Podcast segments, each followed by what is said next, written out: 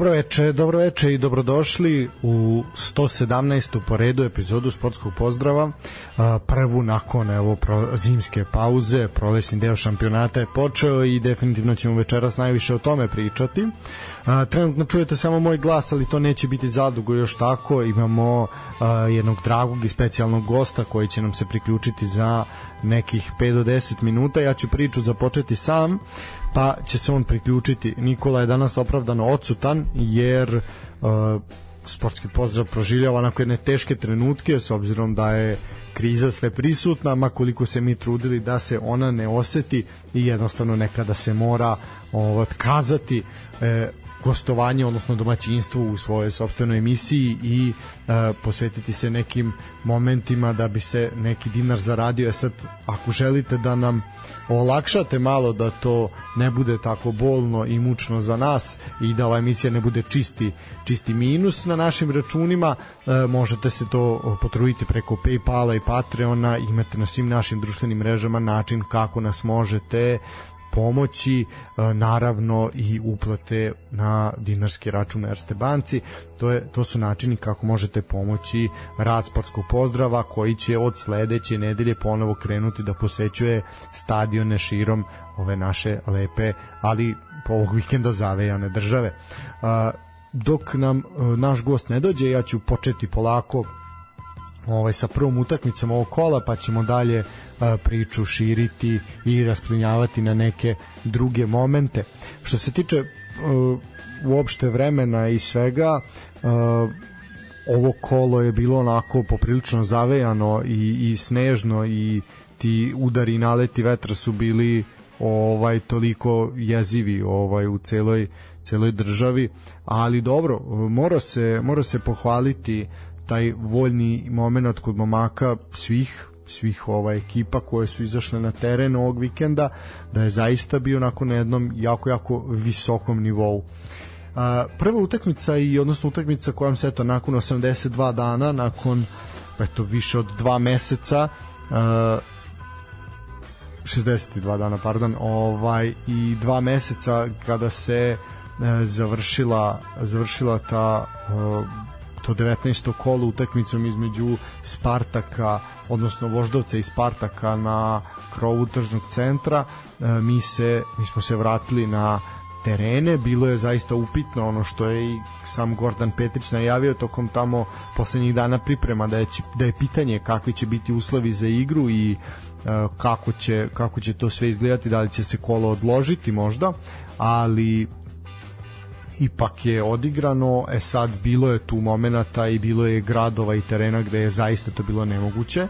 Što se tiče utakmice koja se odigrala u petak, to je utakmica između Kolubare u Lazarevcu i e, radnika iz Surdulice. E, moram priznati da je Kolubara, odnosno stadion u Lazarevcu bio jedan od redkih ove ovog kola koji je zaista bio na visini zadatka, koji je bio dobro pripremljen, koji je lepo, lepo izgleda na kojem se zaista mogao mogao igrati futbal. E sad, uh, jedni i drugi su se dosta pojačali, to smo pričali tokom, uh, tokom prošle epizode i manje više su sva, sva nova imena koji su ovaj, stigla i u jedan i u drugi klub bili na terenu tako da smo imali eto uparene i Bagarića i Vukušića na primjer što je meni onako bilo zaista a, zanimljivo, ali tu je bio Ilija Milićević koji je došao iz Spartaka i tako dalje, nije bilo na primjer pojačanja iz a, Velež, iz Veleža iz Mostara, ali on je nešto kasnije ušao u igru.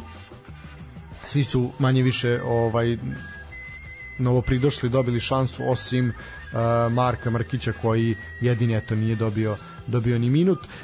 Borbena utakmica zaista jednih i drugih. Vukušić ima jednu sjajnu šansu na otvaranju i zaista evo sada kada je ponovo kada je prošao celokupne pripreme i kada je potpuno zalečio sve povrede biće zaista zanimljivo koliko Sinski dijamant može da doprinese Kolubari.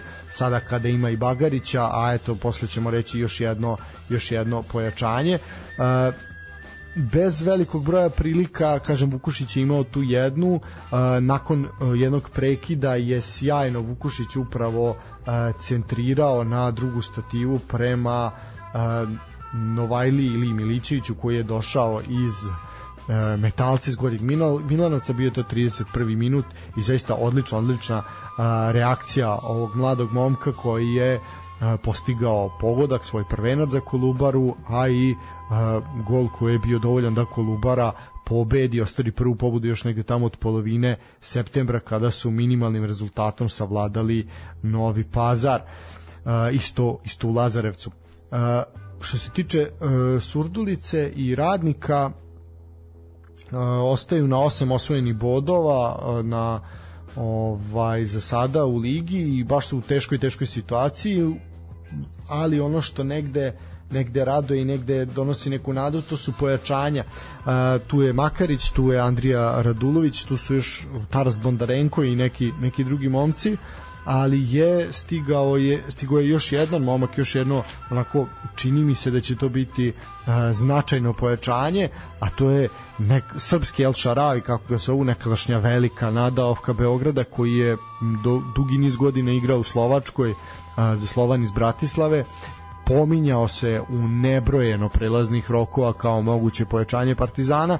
Nikada nije došlo do tog transfera ali evo završio je kako se čini u e, radniku iz Surdulice. Nema još uvek zvanične potvrde ali pisanja su tolika da će najverovatnije to biti ozvaničeno e, sutra sutra u toku dana. Pošto koliko ja vidim do početka snimanja ove emisije to nije to nije ovaj urađeno Uh, tako da eto to je što se tiče što se tiče uh, Surdulice tu su pojačanja tu je sve uh, videćemo ozbiljno ozbiljno pojačanje videćemo koliko koliko mogu ovaj da doprinesu uh, ekipi iz Surdulice koja se zaista bori za opstanak. Što se tiče narednog kola, uh, Kolubara gostuje Vojvodini, a radnik dočekuje lučansku mladost. E sad, pošto je naš gost pred vratima, ja ću pustiti jednu pesmu i onda ćemo se vratiti zajedno sa njim da nastavimo priču. Tako da uživajte uz uh, riječku grupu FIT. Četvrta je Botswana za koju nastupa Mao Toan. Mota Mao Toan, no, u kako ima i prezime. Baš bih volio čuti stranice kako bi ovaj govorio.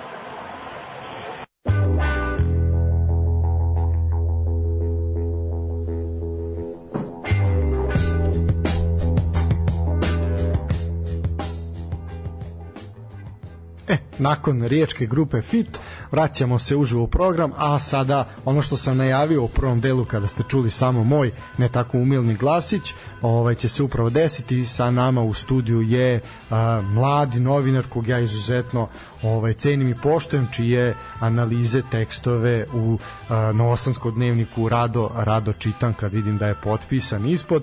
A, moje veliko ča, moja velika čast i još veće zadovoljstvo. Sa mnom je Vuk Miloš Petrović. Dobroveče dobrodošao.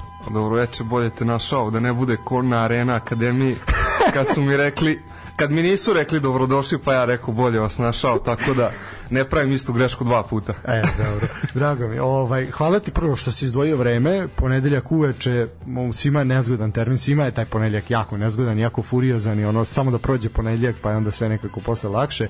Ovaj, hvala ti što si izdvojio vreme, hvala ti što ćeš sa mnom... Hvala što si zvao ovaj nemam čemu uvek uvek naša vrata malo našeg malog studija ali toplog je otvorena su uvek svima a, sa mnom će, ćeš malo ovaj proći kroz ovo što se dešavalo ovog vikenda u Superligi Srbije. To ćemo brzo pretrčati pa ćemo pričati malo o Euroligi. Zakuvalo se poprilično što se tiče naših predstavnika. Jeste. tako da ćemo a ti kao neko ko je stručnjak za, za košarku ovaj svakako ćeš tu odgovoriti na neka pitanja i malo pojasniti šta se Dobro, dešava sad izvini moram da te prekinem. Ovo, ne mogu sebe da nazovem stručnjakom sa 23 godine, ne, ali, ali dobro vidi. Dobro, ja, ja, ja smatram da si ti stručnjak, tako da ti imaš hvala ti, hvala ti. Znaš kako, ako je Rade Bogdanović stručnjak, onda možeš i ti biti stručnjak i to je da, to. Da, da, tako da to je sve, sve zaista zaista u redu. Ovaj ništa, ja sam ovaj malo kao što sam ti rekao, ovaj u ovoj pauzi pričao sam o Kolubari i Radniku u toj mhm. prvoj utakmici. Bilo je hladno toko vikenda, ni sad biće i večeras boga mi, boga mi gadno. Ovaj, Bože me sad. Sve se nadam da će naredni vikend biti malo topliji, ono naš da sad još jedno snežno kolo nećemo, nećemo imati, pogotovo što ja planiram sad ovog narednog vikenda da se nađem na stadionima širom ovaj naše Srbije tako da ajde videćemo nadamo se e, rekao sam Kolubara mm -hmm. odnosno stadion Lazarevcu bio jedan od retkih ovog kola koji je zaista bio pripremljen za igru i bio je onako e, s obzirom da smo ga viđali u prvom delu sezone svakakvog ovaj razoranog i svega je bilo bio je pripremljen bio je dobar moglo se igrati po njemu mm -hmm. e sad naša sledeća utakmica i priča nas vodi u Kragujevac a tamo je bilo poprilično onako i hladno, vetar je toliko duvao da su... Bilo je pitanje da li će se igrati uopšte. Tako je, a bilo je toliko je vetar udarao, ja to skoro zaista nisam video, da su ljudi koji su iz arene, koji su snimali, odnosno radili prenos snimatelji, da su se toliko mučili sa kamerama, da su kamere se zanosile koliko je, koliko je dugo, znači baš je bilo u nekim momentima, vidiš da ljudi ne mogu da zadrže kadar koliko su imali problema, tako da svaka čast ljudima koji su odradili utakmicu na kraju, mislim, i momcima na terenu, baš sam to rekao, a verujem da ćeš se ti složiti. Uh, prethodnih godina smo imali to, znaš, kao ono ružno vreme, hladno je, vam tamo da, da, da. nekako se igra taj neki alibi futbal, znaš, nisu se nešto mnogo ni trudili. Sad moram priznati da su poprilično borbeni bili svi, ovaj, nije bilo to, naš kao izašli smo samo da odradimo i bežimo. Jeste, ja ovo što sam gledao, ali ajde, neću napred da pričam o, o tim utakmicama, mogu da kažem da stvarno pozitivno sam iznenađen kvalitetom futbala. E, drago. Ti si pričao, pošto ne znam koliko su slušalci upoznati sa tim, mi se znamo sa Akademije Arena Sport i ti meni kad si pričao da pratiš srpski futbal i da... A, Priznaj da si mislio da sam budala. Da. da, definitivno. naš, ono mislim, kao, ja bih, naš, e, pored tog blata svog ovaj, srpskog futbala, ima tu nešto da se vidi, pa reko šta priča ovaj čovjek da ovaj da čovjek kojim drogama ma da. Ali znaš kad sam i uvek sam imao averziju imam i sada prema domaćem futbalu mada iz nekih drugih razloga sada više ga ne pratim ali stvarno ove, ove utakmice ajde reći ću um, Spartak i Čukarički i TSC Novi Pazar stvarno nije bio naivan futbal Da, ni malo, da, ni da. malo.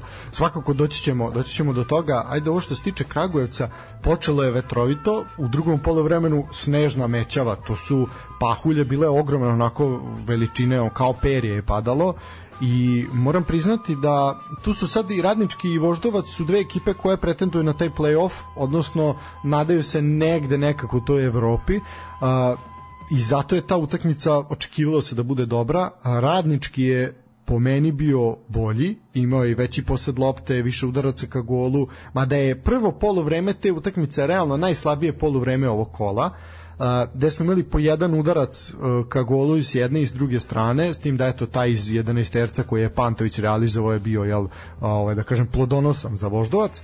S druge strane, drugo polovreme je bilo malo bolje, imali smo jednu sjajnu šansu radniču gde je štoper Voždovca onako jednom paradom sa gol linije bukvalno sklonio, sklonio. To ni proglašen igračem utakmice Filip Damjanović je u pitanju.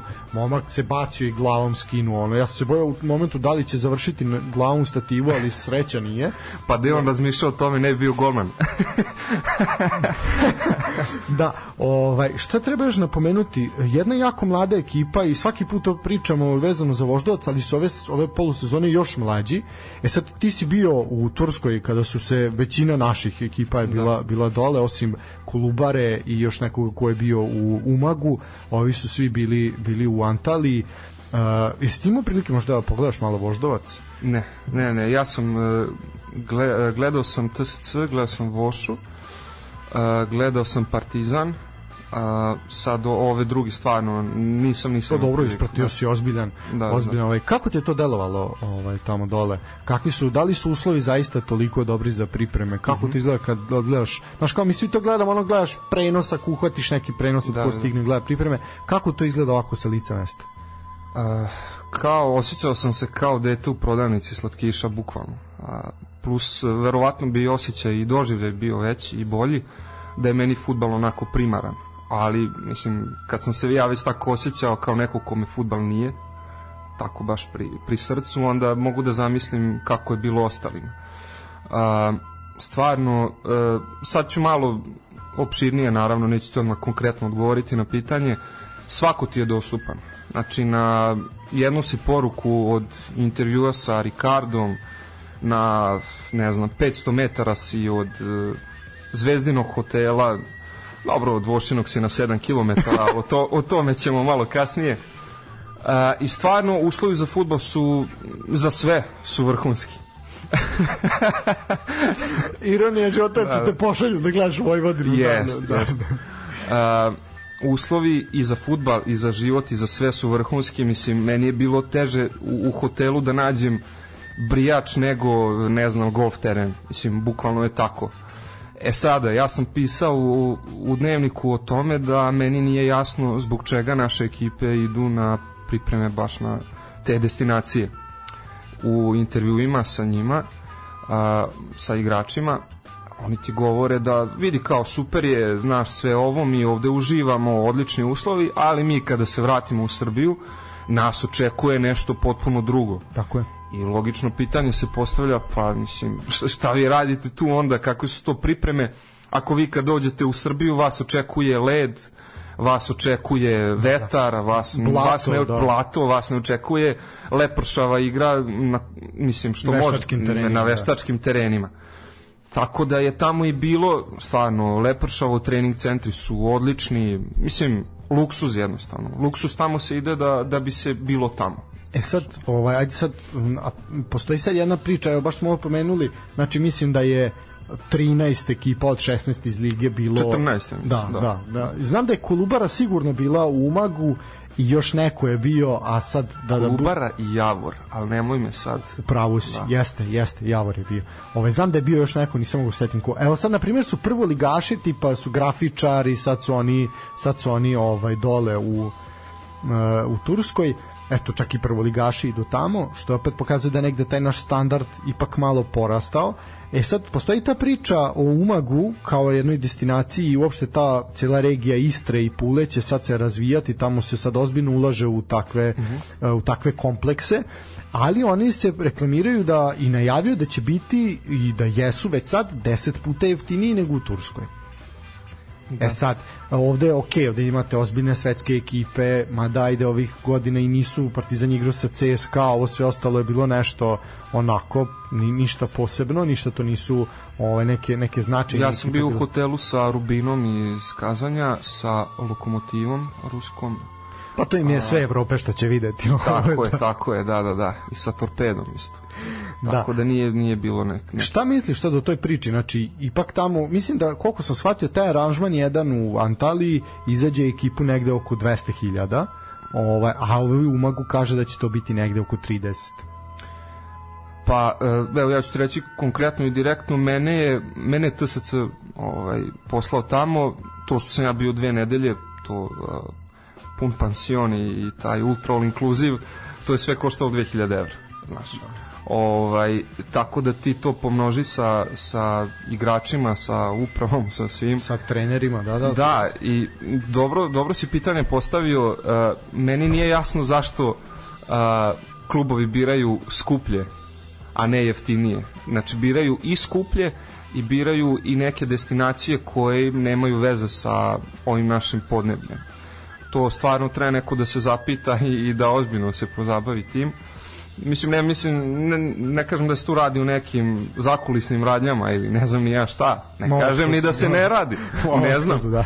ali znaš e, logično je da, da se čovjek zapita a to što si pominjao umag i to ne znam mislim ja kad bih išao na pripreme uvek bih gledao gde mogu mislim prvo da mi je bliže naravno jeftinije i drugo gde, mo, gde su uslovi sličniji kao i kod nas eto Tako da kad se to sve poklopi, ja mislim da znaš gde treba da ideš. Bio je taj moment ovaj, da je skoro svim ekipama kasnio prtljag ovaj to i Vojvodina imala problem i Zvezda i Radnički i tako dalje da su prvih nekoliko dana priprema morali da koriguju treninge i plan uopšte jer nisu nisu dobili prtljak tu je nešto ovaj ko je, ko je došao avionom malo je mislim da je Turkish Airlines je napravio neki problem sa prtljagom pa on je otišao na drugu stranu pa se vrati već kako to funkcioniše ali eto čak se i taj moment desio da, da samo ono, uh, mislim da je bio jedan dan u pitanju ne nekoliko pa je, dana jedan da, dva dana da, za Vojvodinu znam to sigurno zato što znam da su ušli, to sam baš čitao, mislim upravo u dnevniku da su ušli u teretanu umesto da ono su otišli na teren pa su Da, odradili da. trening u teretani. Ali znam da je Zvezda tipa 2-3 dana ono čekala. Tako nešto je nešto u suštini bilo, ali eto, znaš, i, i takve stvari se dešavaju, znaš, ti sad dođeš tamo i šta ćeš? A vreme teče, jel, imaš pripreme koje moraš odraditi.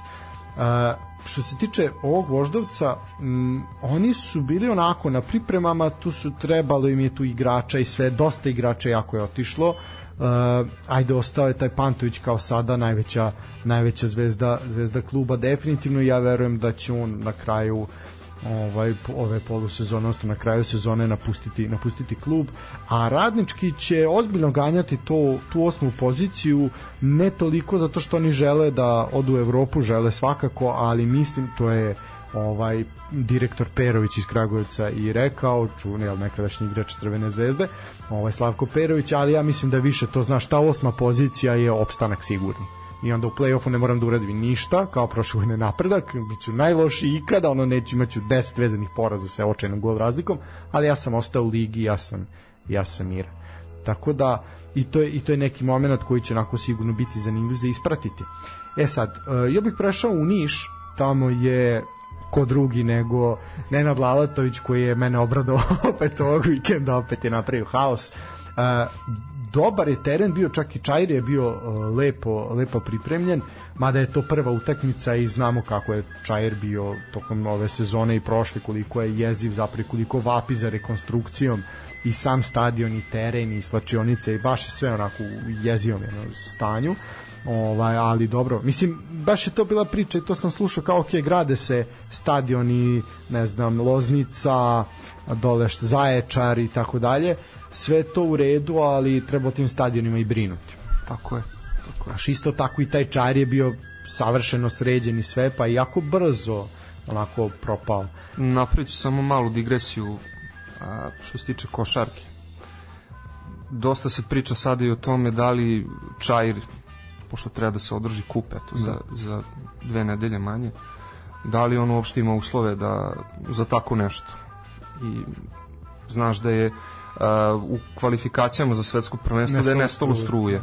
Znaš, mislim, ako a, takav grad po veličini u Srbiji nema uslove ni, ni za futbal, ni za košarku, mislim, to je malo jezivo, znaš. Pa vidi, stvarno je Čajir što se tiče futbalskog ovaj terena bio tokom cele sezone neuslovan. Znači to je baš jako loše bilo. Od toga da je trava spržena na leto, do toga da je to kaljuga jedna i sad evo sad je bio onako zaleđen, ali opet kažem to je prva utakmica u sezoni, već naredna će biti vjerojatno problem. Tako da Da, ozbiljno je problem. Kažem, ovde grade se stadion i sve to jako napreduju brzo radovi i to će sigurno biti uskoro, ali je problem što je, ko će te stadione održavati? Ljudi u Topoli, ne znam, jesi bio na stadionu TSC? Nisam. To ti je moja topla preporuka. Da odeš da vidiš, uh, možemo otići zajedno ako budeš želeo, uh, to je jedna, jedan ozbiljan objekat i koji je održavan, znači koji, ja sam, to, to je bio moj najveći strah, mi smo bili na otvaranju i protiv Ferenc Varoša. I ja sam o, kao sve perfektno, sve savršeno. I onda sam se uplašio, sada kad dođemo za dva meseca, a ti već vidiš da je nešto odvaljeno, da je Da. nešto počupano, da od ono, i otišli smo i za dva meseca, i za tri, četiri, pet meseci smo bili tamo, I sad je još bolje. I, s- da, da, na bukvalno on, ta okolina stadiona se još sređuje, nastavlja da se sređuje, a unutra je sve netaknuto. Znači, tako kao što je napravljeno, tako se održava. Teren je perfektan. Teren je najbolji teren, znači što se tiče same podloge koji mi imamo u državi. Jeste. O, ne znam, sad ja mogu o TSC-u da ti pričam sat vremena, bukvalno. Ne, Da, ali ajde, doći ćemo, doći ćemo do toga, da. To je svakako, s obzirom da su jako simpatične ove sezone. Da, da. A, što se tiče radničkog i mladosti, uh, Lučani su se pojačali sa ozbiljno iskusnim igračima, bili su jedna od naj, najmlađih ekipa u prvom delu sezone, sad su dodali to malo iskustvo koje im je zaista trebalo.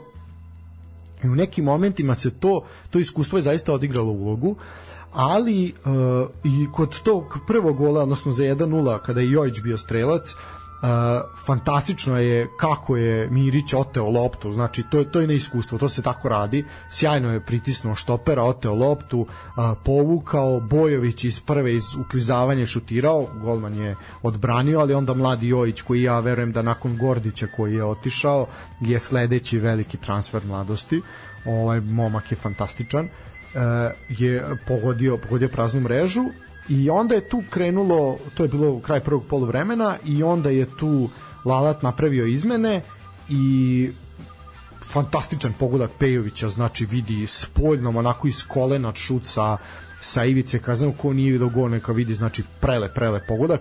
I onda smo imali taj jedan moment da se vidi koliko je zapravo je e, igračima to značilo da se on okreće ka svojoj publici onako sve im po spisku i pokazuje kapitensku, kapitensku traku ono kao aj prestanite da nas vređate možemo ali nas podržite nemojte nam biti teret oko vrata sa čim se ja apsolutno slažem i onda je Nenad Lalatić dobio žuti karton zbog prigovora što je normalno, jel? Ali onda čovek toliko počeo da se ubeđuje sa sudijom da on nije ništa dobacio, da je počeo završio na kolenima, klečao, kleči, molim, znači klasik. A vidi, ovo je bilo fantastično. Čovjek kleči na kolenima, viče, ali ja nisam ništa rekao. I ide i nastavlja i nastavlja i tu je proradio temperamentu da je on jednostavno pukao i sudija izvukao još drugi žuti karton crveni izađe napolje. Znači, niš čega je ostavio svoju ekipu na cedilu. Da li je on sad zaista uspeo da opet skrene taj neki pritisak publike i svih sa, sa igrača na sebe, i da li igračima to sad probudio, ja ne znam, ovaj put zaista ne znam da kažem, do sada sam ono kao, ok, kad radi na Partizanovom stadionu Haos, jasno mi je zašto radi. Ali ovo sad je zaista delovalo kao splet nesrećnih okolnosti, ali je bilo fan. Ja mislim da to njemu sad već dolazi prirodno. Znaš, pa da jeste, sad... jeste da na Partizanu, da, to, to je, ali znaš onu priču, uh, Nebojša Višković je pričao o tome, uh, Mourinho kad izađe, kad njegove ekipe igraju u gostima, on izađe prvi na stadion i prikupi su tu negativnu energiju od navijača, da onda, znaš, skine pritisak sa, sa ekipe, tako da verujem da on radi, znaš, ono, ne, neku sličnu stvar sad, ono, takav je kakav je temperament, kažem ti, verovatno to sad njemu negde i prirodno dolazi. Osim. Da li, da, sad upravo si, znaš, i može biti da on sad je stvorio takvu sliku o sebi i sad i taj neki sudija, razumeš, koji, ono, da ga, da ga se reši, on će mu odmah pokazati žuti karton da se smiri. Da. E sad, neka će se smiriti, neka će eksplodirati, ali definitivno da je sad on tu malo u, malo u problemu, jel? mislim on je mnogo više u problemu, ali ali ovaj ali sad je svakako. Uh, I onda da, ali ovaj onda se dešava nešto što je apsolutna filmska priča. U igru ulazi Miljan Škrbić, čovek koji je potpisao ugovor sa radničkim samo zato što je Štulić otišao. Uh mhm. -huh ovaj čovek koji je nije otišao, on je nije odradio pripreme uopšte sa ekipom, nije bio u klubu, a, nisu hteli da mu produže ugovor, znači bilo je da napušta klub, a čovjek je bio onako kako da kažem, ozbiljno planiran i ozbiljan projekat kluba. Štulić odlazi poslednjeg dana prelaznog roka, malte ne, ovaj potpisuje ugovor, ostaje u klubu, ulazi u igru, u 91. minutu postiže pogodak, ono, neverovatno, što svi su objavili povratak otpisanog i zaista jeste jedna filmska priča u najmanju ruku.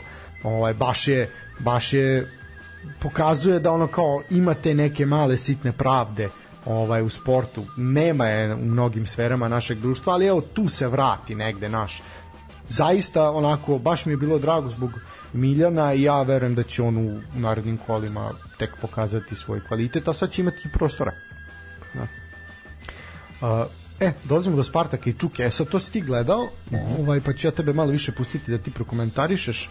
Ovaj, teren u Subotici ponovo je bilo vetrovito, ali tamo baš ono, na terenu Spartaka je uvek, uvek duva jak da. vetar. Uh, kako je tebi izgledao Spartak koji je u prvom delu sezone baš onako bio razočarenje a, i kako ti izgleda čuka, kako ti izgleda Čukarički koji se priprema da ozbiljno zakuca na vrata Lige konferencije? Jeste prvo me Spartak izuzetno pozitivno iznenadio. Mislim da su bili za nivo bolji od Čuke celu utakmicu, znači od prvog do poslednjeg minuta, uz dobro možda, možda neke momente.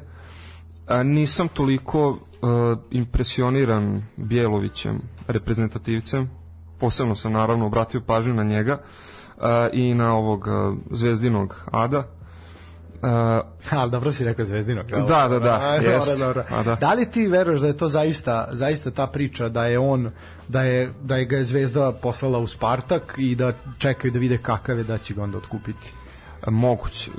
Ne mogu sa sigurnošću da ti kažem da ili ne, zato što nisam ni ja siguran kakav je on igrač. E, O, sada što sam ga gledao, nemam neko pozitivno mišljenje o njemu iskreno. S tim da on dajde, da sad u njegovu odbranu, Jeste, nije igrao. kolo nije dugo nije igrao. igrao. Da. da, da, nije dugo igrao i postoji mogućnost. Ja sam radio intervju sa sportskim direktorom Torbicom, a, pitao sam ga direktno, naravno, mislim, neće on čovek reći, ali kaže da je tu da im pomogne, da, da izguraju, da uđu u, tih, u taj play-off, pa da vide ovaj, kako će biti kasnije, ali e, ne bi me začudilo uopšte da on odigra super sezonu pa da ga Zvezda uzme.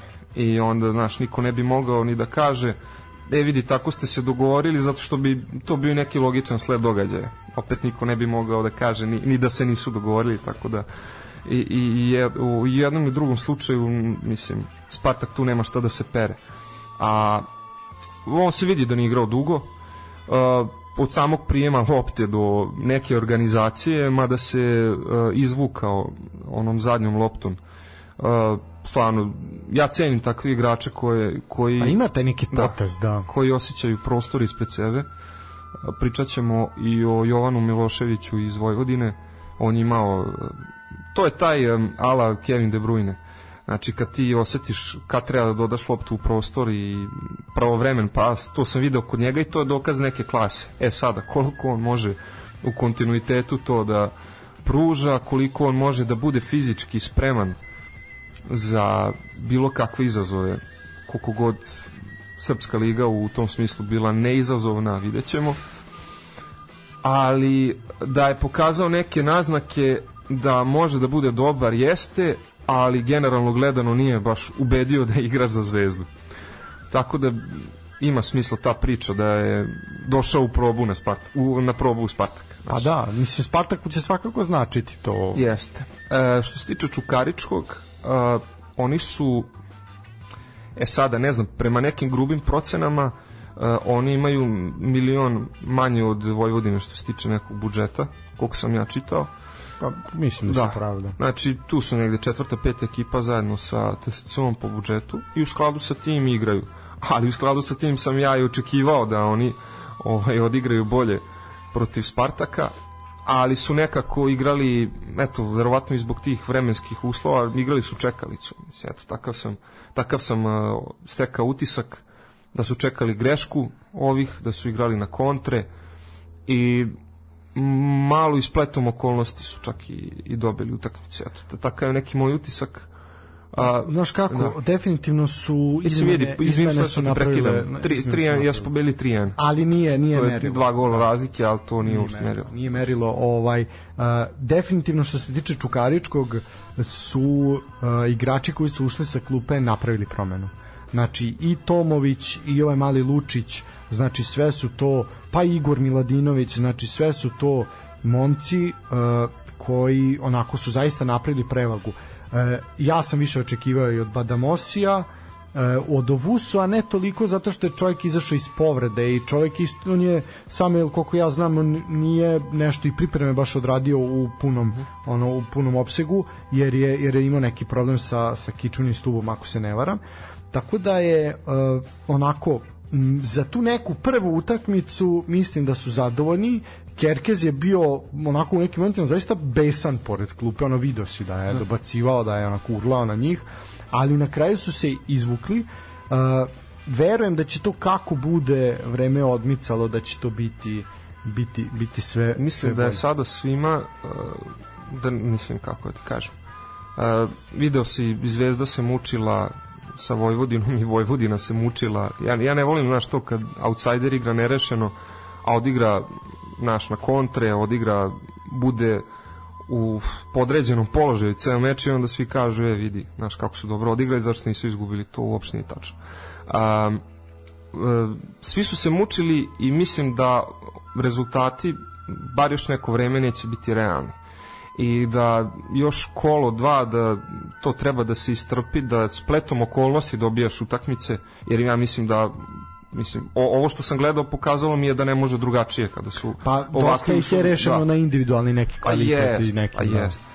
ovaj neki splet okolnosti kao što kažeš a, dobro, da li želiš da pustimo jednu pesmu, malo pauzu ili si se sad zagreo, možemo odmah na Zvezdu i Vojvodinu? A može Zvezda, može. ajde Zvezda pa pesma. A, ovaj, ovako, a, što se tiče Zvezde i Vojvodine, eto, neverovatno se namestilo da je to prva utakmica nakon što je Siniša Mihajlović preminuo, nažalost, ali eto, zaista neverovatno kako je, kako je selo da eto njegova dva kluba igraju međusobno i jesi video onaj performans na početku sa Uh, onim da, sa, da, video sam koreografiju. Sa koreografiju, pa da, to da, da, da koreografiju da, da, na početku, ovaj kada su ona deca uh, simulirala taj je. slobodan udarac i ono sve i meni je to bilo sasvim simpatično i lepo i uh, treba pohvaliti Arenu Sport koja je to ispratila eto na jedan zaista lep lep način i ta mušema koja se koja se tresla sa Sinišinim likom i njegovi saigrači iz perioda Crvene zvezde koji su bili bili na terenu, zaista je to sve onako lepo izgledalo, naravno da to nije ni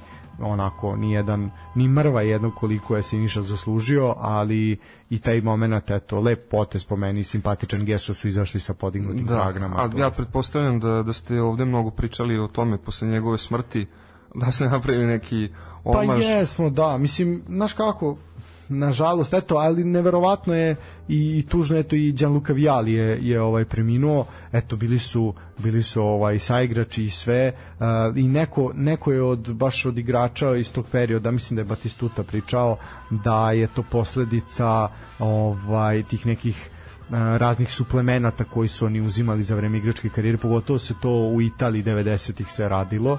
Ovaj, sad dalje to tako ili nije tako, to E vidiš, pročitao sam naslove, ali ja kad čujem takvu priču ne bih ušao naš, ono meni je odmah to neka konspirologija. Da, pa naš, baš zato okay, i da. pitanje da. da, da li jeste ili nije, to je sad, sad velika priča.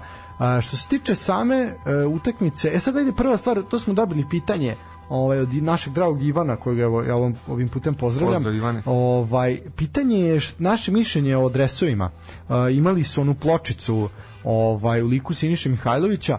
Mogu ti reći što se tiče evo dragi Ivane što se tiče zvezdinog dresa ona onaj pločić odnosno bilo u obliku grba ovaj onog štita jel, u obliku grba. Meni je to savršeno selo. Na Vojvodinu mi je bilo malo rogobatno mm -hmm. jer je bilo četvrtastog je bilo oblika a imaš one neke crte koje tamo a mislim ajde da, da sad već pričamo da. o, o estetici meni je taj dres Vojvodine ružan mislim iskreno ti kažem. jako da, da. ja ne znam stvarno ono mislim. Koliko god da je ovaj ovaj redovan lep taj taj sivi mi je jako neshvatljiv ali i baš je kroz mislim ajde možemo kratko kroz neke godine prethodne uvijek je Vojvodina taj drugi dres imao taj neki svetlo plavi koji je bio poprilično lep, onako i simpatičan. Ovo je baš nekako onako izgleda kao na najgora majica na pijaci, razumeš, baš je baš je bez pa da. veze. Ovaj, ali tako da eto, to ti je odgovor na pitanje. Vošin ne, a Zvezdin je zaista lepo, lepo seo. I ta pločica dole na dresu koji je... Sad bi pravi potez bio da sad šopovi i jedni i drugi, pa što je to Vojvodina počela da, ne znam koliko si to ispratio, ali marketing Vojvodine se posle ja ne znam koliko godina konačno vratio mm -hmm. i konačno imaš da kupiš i šali, šolju i dres i majicu i ovo i ono i benkicu za bebu i tako dalje, što je pohvalno i to nam treba. Uh, koja je tu prilike, znaš, kao, napravite nešto, ono, vratite Tako, retro da. dres, vratite nešto, ljudi će to kupiti. Mislim, ja ću prvi kupiti, ono, nisam, da kažem, ne navijam za zvezdu, ne volim Ma, ja neću da. svakako, ali... Da, ali, ali bih, znaš, ono, za ljude koji će kupiti. Za ljude koji će kupiti, da, a rekao sam će kupiti, neću kupiti, bilo pući puno para, da. Ali možda Vojvodina pokloni, ko što sam poklonili dres, ovaj, što je jako lepo, jedan putem pozdravljamo, znamo da nas slušaju, ovaj, tako da, eto, to je predlog neki, mislim da to treba i treba da ostane, znaš, negde neko, neko sećanje i treba da se trudimo da to sećanje ne izbledi, nego eto da da se podsjećamo i da negde i taj taj momenat ne znam da li se video ali nazvali su a, ložu na zapadnoj tribini da. po Siniši Mihajloviću što ja mislim da je A to je i obaveza znaš ono mislim tako da ne znam mislim taj ceo događaj jeste bio ok floskula je ali je bio veći od futbala Znači, Jeste, nije, to, nije to bila samo, nije to bio samo nastavak prolećnog dela Superlige Srbije, tu su jedni i drugi imali dodatni motiv. tako da, znaš, ono, sve to lepo obeleženo i e, nekako, kao šlag na tortu, a, cele te priče oko Siniše Mihajlovića, koja se protezala od kako je on a, preminuo, a, da se negde i kruniše to neko sećanje na njega, od globalnog nivoa pa smo sad došli na, na taj Da, eto, mi smo nekako za da, kraj. ono, zatvorili, zaokružili tu priču, tako da u tom smislu stvarno pun pogodak i lep događaj stvarno. E sad što se tiče utakmice, uh, prvo moram spomenuti gol Uroša Kabića, ne da je momak zategao levom nogom, uh, nije ga bilo tokom prvog dela sezone baš onako nešto dobijao je šanse na Kašičicu, sad je to bio od starta tu i ja mislim da je on onako jedan ozbiljno talentovan momak, a znam da je vredno radio i ja verujem da onako eto Vojvodina može, može sa njim napraviti nešto.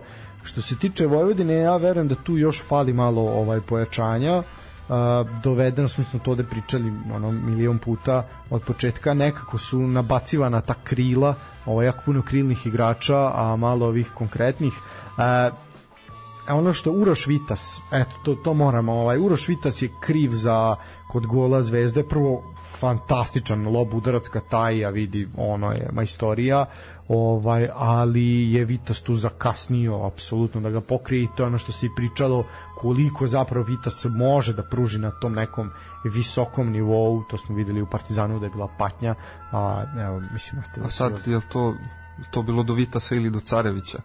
Sad, naš, ono, Pa vidi, ne možeš, ah, ok, jeste, definitivno može se i Carević ukriviti, ali po meni vid- uvek je, ako sad malo gledamo filozofski, po meni uvek štoper kriv što je pustio da napadač šutira. Da, da, da, pa ima smisla, ima smisla. Da, ok, da li je, vidi, Carević je prvo ogroman čovek, ono, visok golman, on nije, da, on je nekako čudno nju ispratio, upravo se, on nije podigao ni ruku, mislim sve da je podigao, ne mogu ništa, ovaj, ali ali, mislim da nije treba toliko da izađe. Ili je trebao ranije da izađe.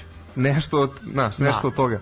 Znaš, da je on, on ga je tačno, to, ali to je taj moment, a, a tu se opet vidi, naš, Carević je dobro, golman koji se dobro pozicionira, to ono makar što sam ja video tokom prvog dela sezone, ali nema brzinu, definitivno.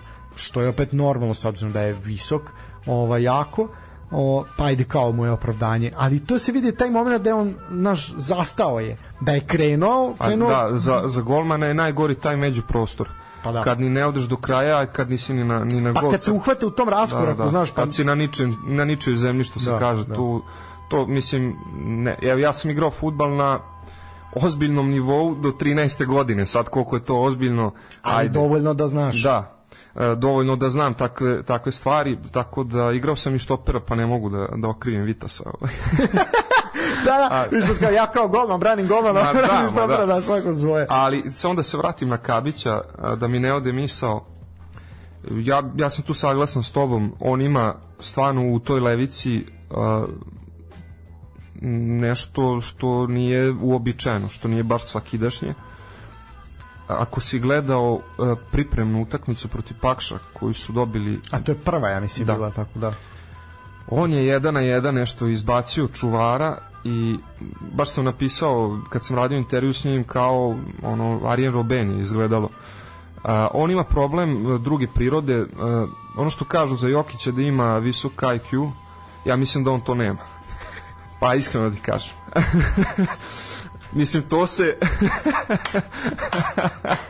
nema, nema visok da nisam rekao ni da je glup, ali ni ni pametan. a, mislim da bi a, o, to je to je naš ono moje mišljenje da dobro. da on zna šta on treba da radi a, ne on je stvarno što si rekao radan i i talenat nema šta on je meni rekao u razgovoru kaže ja znam šta treba da unapredim ja znam da je to a, da se a, pre oslobađam lopte i ti onda ono kad vidiš da dečko to zna ali nastavlja znaš to da radi znaš ono malo mi je samo nelogično tako da Da ne kažem nešto drugo, da. da, da.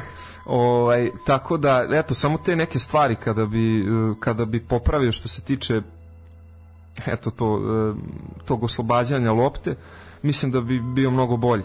Ali ovako, mada ja jeste to bio odličan šut i sve to, ali mislim da je to Borjanov gol, iskreno. A hoćeš. E, odlično. Ovo, ovo, je, ovo je jako dobra tema i ovo je jedno nepopularno mišljenje, a to je da je Borjan zreo za penziju. Borjan je, uh, ovaj, jel, priznaje da se slaže sa mnom, uh, Borjan je toliko uh, golova zgrešio tokom prvog dela sezone i tokom, znaš, ono kako, bukvalno kako vreme prolazi, to, je, to su drastične greške on uh, nije više na tom nivou. Ok, on može da se vuče koji Vlada Stojković ovde 100 godina. Naravno. Da. Ali, ali definitivno da Zvezda ako hoće, po meni jedan od krivaca zašto Zvezda nije otišla dalje u Evropi je upravo Milan Borjan. Oni golovi u Francuskoj, ono je bilo jezivo. Mislim, primo je i ovde, da sad ne, da ne krivim samo tu utakmicu. Baš onako je ovaj vreme je da da ili ili završava karijeru ili da ono mislim ja verujem da će on tu biti zbog navijača i zbog svega te te fame koja vlada oko njega i cele te priče ovaj koja je ne fudbalska ovaj da će on tu biti još koju godinu, ali definitivno on sve više i više košta Crvenu zvezdu. Jeste. Evo ponoviću super odličan udarac, nema šta, ali ti kad čutneš tako loptu po sredini gola, to je, znaš, koliko gotovo bio Efektno, jak da. i efektan udarac, to je golmanov gol. Nije prečka visoka 3 metra da ti ne možeš to da dohvatiš. Tako da to je više bilo do, do Borjana, ali opet neću da, mislim kao, neću da oduzimam od Kavića, ali hoću. Znaš. Da, ne, slažem se ja sa tobom. Vidjet ćeš kako, evo, bratite pažnju svi, kako vreme bude odmicalo, Borjan će zaista imati imati grešaka, a negde po meni najveća greška Crvene zvezde što oni nisu pripremili zamenu. Znaš kao, nema tu nekog, ima momaka koji su pozajemljeni vamo tamo, ali sve to nešto nešto slabo. E sad molim te, rekao si za Miloševića. Da. Ovaj on je ušao u igru negde ovaj u 70. minutu, znači ima nekih 15 minuta da pokaže šta zna, kako se to tebi čini? Mesto čini sa njegove strane dosta zrelo. Ono što sam gledao na pripremama i što sam ti pričao pre nekoliko minuta o, o tom pasu Kevina De Bruyne, ala Kevin De Bruyne, uh, to on ima i stvarno talenat, mislim to je dečko koji ima 17 godina, je tako? On je 2004. Da. 5. Uh, dosta ima futbala u njemu, uh, što je što nije svakidašnje za, mislim, za svakog na, na, ovog prostor, na ovim prostorima. Tako da, znaš, ono, imam pozitivno mišljenje o njemu, ali opet ja nisam pristalica toga da se, koliko god to bilo finansijski isplativiji za klub i za njega, da se ide preko sa 17 godina. Meni je to a, imali smo, mislim, ok, ovo sad ja što pričam, to su opšta mesta i to svi koji me slušaju, koji, koji tebe slušaju, to svi znaju. Čuli smo milion puta, da. Da, ona zlatna generacija sa Novog Zelanda, pa ona zlatna iz Litvanije. I pre toga, Daniela Aleksića se seti i tako pa čekaj, dalje. onaj, onaj Zvezdin Janković, Eto sad je završio u, u Republici Srpskoj. Tako. Da, završio je u laktašima ili tako, tako nešto. nešto. Da, tako nešto. To sam objavio baš na, na Instagramu pre neki dan. Da, e, pravo si da otišao. Tako da pričao mi je mislim i sportski direktor Marko Ivanović je pričao dosta o tome da je za njega mnogo bolje da ostane tu sezonu dve Jeste laktaši. Da, da sezonu dve, da kao Krasić, kao Tadić, kao Kačar, da malo oseti kako igrati seniorski futbal i da onda ode negde preko posle toga naravno. Naravno da Vojvodina isto tako treba da naplati to taj njihov rad sa, sa njim. To što je ona iznedrila takvog talenta. A, kako ti deluje Crvena zvezda? Poprilično je to bilo onako po meni slabo u prvom delu, ovom prvoj utakmici, ali ajde opet prvoj utakmici, mada je to slabo delovalo i tokom, tokom priprema i ta pojačanja, je taj Vigo, je došao iz Boki Juniors ovaj za, ili iz River Plate sad se možda sam odvalio ali iz River Plate izvinjavam se. Ovaj da da kao ne baš sam našao da s kojim klubom ću da promašim. Čovek ne zna jezik ne zna ni engleski, ne zna ništa kažu da su dole imali sreću što je grafičar bio na priprema pa je i Banjez bio tu pa je pomagao da. ali mislim to je problem čak i ovaj uh, Rus što je što isto u ekipi koji je bio tokom priprema i on se čovjek patio jer ono kao kaže ok jeste to sličan jezik ali opet nije isti mislim. Ovaj tu je i ovaj Azarovi mislim onako mislim na Pruceva. Ovaj baš je to ne znam nekako nekako čudno sve to deluje. Zvezda na koju nismo navikli moram priznati prethodnih par godina. Zvezda ima dva problema ako mene pitaš ja koji jako redko gledam domaći futbal to, to znaš ali ovako da ono što gledam pa da kažem prvi problem je trener mislim da Milojević apsolutno nije dorastao mestu prvog čoveka, prvog trenera. Misliš da ne može da buzda slačionicu? Ne može, mislim da on, on uopšte nije za prvog trenera. Mislim da neki pomoćnik to ok u redu, ali mislim da nema autoritet i e sada pričati o futbalskom znanju kada vodiš zvezdu u Superligi Srbije, ja mislim da je to pa onako, mislim, bespredmetno. Jer svako, ja sam tog mišljenja, a, oni imaju duplo veći budžet od Partizana. A, duplo veću, verovatno i vrednost tima. Sad ovo, o za, za budžet znam, a za vrednost tima ugrubo. Pravo si. A, ja ne znam ko tu ne bi bio prvak, iskreno ti kažem, sa, sa zvezdinom ekipom. Tako da to biće i on prvak. Biće, ba, da, biće on prvak, moći će da kaže posle da, je, da ima jednu titulu. Eto. A sada za, ja pretpostavljam da to e, sve navijače zvezde ne može da zadovolji, da je njima cilj ta Evropa i to ne Liga šampiona da budu poslednji u grupi i slično, nego da se nešto i uradi. A da, pogotovo da. što ove godine titula zaista je velika da, i da, teška. Da, to, da. mislim da je to evidentno. To, da, i teška je zbog toga, zbog učešća u Ligi šampiona. Um, e sada, taj drugi problem je i sama Srpska liga koju Zvezda, mislim, uh, Superliga koju Zvezda igra, logično, um, pričalo se ne, negde ranije i o i da je Bayern ima taj problem zato što je previše dominantan u Bundesligi i onda kada dođe protiv nekih jačih evropskih ekipa jednostavno odnos snaga kada navikneš da igraš sa nekim uh, niže sa ekipama niže granga i kada ti dođe Real Madrid sa manje duela. sa, sa manje duela tako je. Uh, dosta se govorilo i kada je Zvezda ispala u kvalifikacijama za Ligu šampiona letos mislim svako zna da smo imali snage za 60 minuta i da je to usud ove naše lige ukoliko si dominantan previše dominantan da ti jednostavno ne moraš da daješ pun gas svih 90 minuta ili 97 u zavisnosti od utakmice. Pa vidi, to je nešto da... što nas je koštalo i na svetskom prvenstvu. Naš, imali smo snage za 45, odnosno 60 minuta. I tu je bio kraj. Tako da... To je sad svetsko prvenstvo jedna bolna tema da. koju koju nećemo... Mada, mada znaš, ajde, ajde samo da, da se dotaknemo kratko. Ja nisam od onih koji koji voli da likuje kada je u pravu, likujem sam sa sobom. Uh, ali stvarno uh, nisam očekivao ništa od te priče. Pričali smo to kad smo bili u arena, na areni. Da, ali uh, isto tako što nisam očekivao mislim da je jako dobro što je Pixi ostao. Eto. To, I na tome ću, na tome ću da, da završim priču.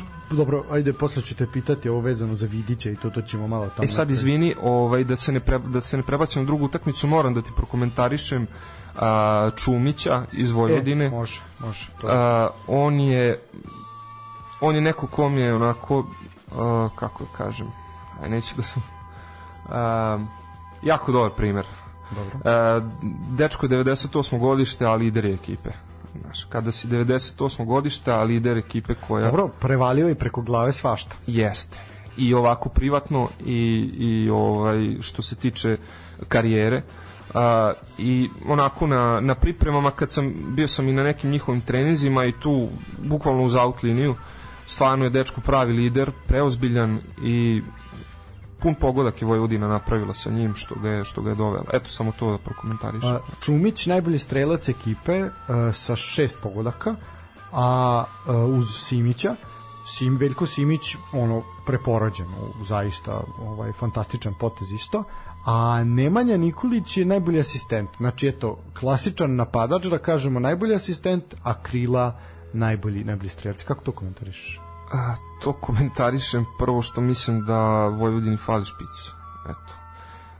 ne kažem da je loše kada su ti krilni napadači najbolji strelci. Guardiola je ceo svoj sistem zasnovao na ceo, celu svoju filozofiju futbala je zasnovao na, na tome ali mislim da se taj, ta filozofija futbala malo razlikuje u, u Vojvodini i da ni oni da i da ni oni nisu baš do kraja zadovoljni kako to izgleda kada se govori o, o tim klasičnim napadačima a šta da ka, mislim ne znam e, to e, ono što je meni bilo e, kako da kažem što nisam očekivao tokom priprema je to što je Vojvodina igrala tako što je prepuštala posed svakom rivalu. Znači svakom. To je to je Vojvodina radila i u prvom delu sezone Superlige. Apsolutno, da. Jeste. Eto i u tome se krije verovatno i, i razlog zašto je Čumić najbolji strelac jer kontranapad idu preko krila, ne idu preko sidraša. Uh, I tu je Vojvodina, na primjer, imala ozbiljan problem da joj je teže bilo da otvori ekipe koje se povuku ovaj nego one koje su ih napadale pa, pa su bolje bolje izgledali.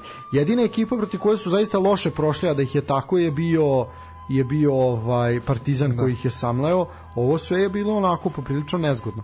E sad, Uh, ja bih samo ovaj rekao da po meni uh, Rastavac je dao jednu jako pametnu izjavu, uh, rekao je da ovaj bod jeste, kad su ga pitali koliko je veliki ovaj bod protiv Zvezde, on je rekao jeste. Samo ako ga potvrdimo, jeste. Ako ga potvrdimo u narednom kolu, jer će u narednom kolu pričat ćemo o tome imati jako nezgodnog, nezgodnog protivnika. E sad ti kaži meni, druže moj, ćemo mi da pustimo jednu pesmu ili hoćeš da idemo u Snežni Kruševac koji ajde, je... puštamo pesmu. Puštamo pesmu, ajde malo da se i mi, mi, i mi oporavimo pa ćemo se vratiti. A, nikad te nisam pitao kakvu muziku slušaš? Sve. Ja sam ona najgora vrsta ljudi. Znači, ko, ko je slušao od moderne, narodnjaka, stranog repa, domaćeg repa. Znači sve, u sve, sve se možeš. Živo, sem ex roka. A dobro, to mogu da se. To me, e, metala i Pošto sam ovaj slušao inače moram pohvaliti intervju na Mozart Sportu sa Zdravkom Mamićem. Da. Ovaj da vidi, e, prvi deo izašao koji traje 2 sata i 40 minuta, znači ono je suština svega. Taj čovjek je toliko stvari rekao, ovaj, zaista, ono, pustite sebi, ono, to je lagano štivo pred spavanjem razumeš? Znači, ako vam žena čita Guillaume Musso i slične budalaštine, Noru Roberts, vi pustite Zdravka Mamića, jer jedan gospodin prvo i pre svega i Evo, samo čovjek. ja da kažem da sam ja dobio preporuke za, za taj intervju ne, od... i ovim putem bih pozdravio jednog gospodina Konstantina Mlađenovića. Čovjek bio gost isto ovde. Naš bio je gost, iz, mislim, realno, a, zato što ste zvali nekog drugog, pa taj neko drugi nije mogao da dođe on inače ne razume se u sport, ali ali ajde, mislim, zadesio Simpatičan je dečko. Simpatičan je pa može da prođe. Ima lep pospeh. kad pitaju kakav je futbaler, a dobar je dečko. to je to. A, slušamo Vojka V i Mamiće, pa se vraćamo dalje na priču. Uživajte. Da čujem dok sam ja direktor u Partizanu. Ja garantujem za ovog dečka. Pa nema offside-a, čekao Žegović loptu na levoj strani je Pantić, sam je Pantić u Žegović i gol!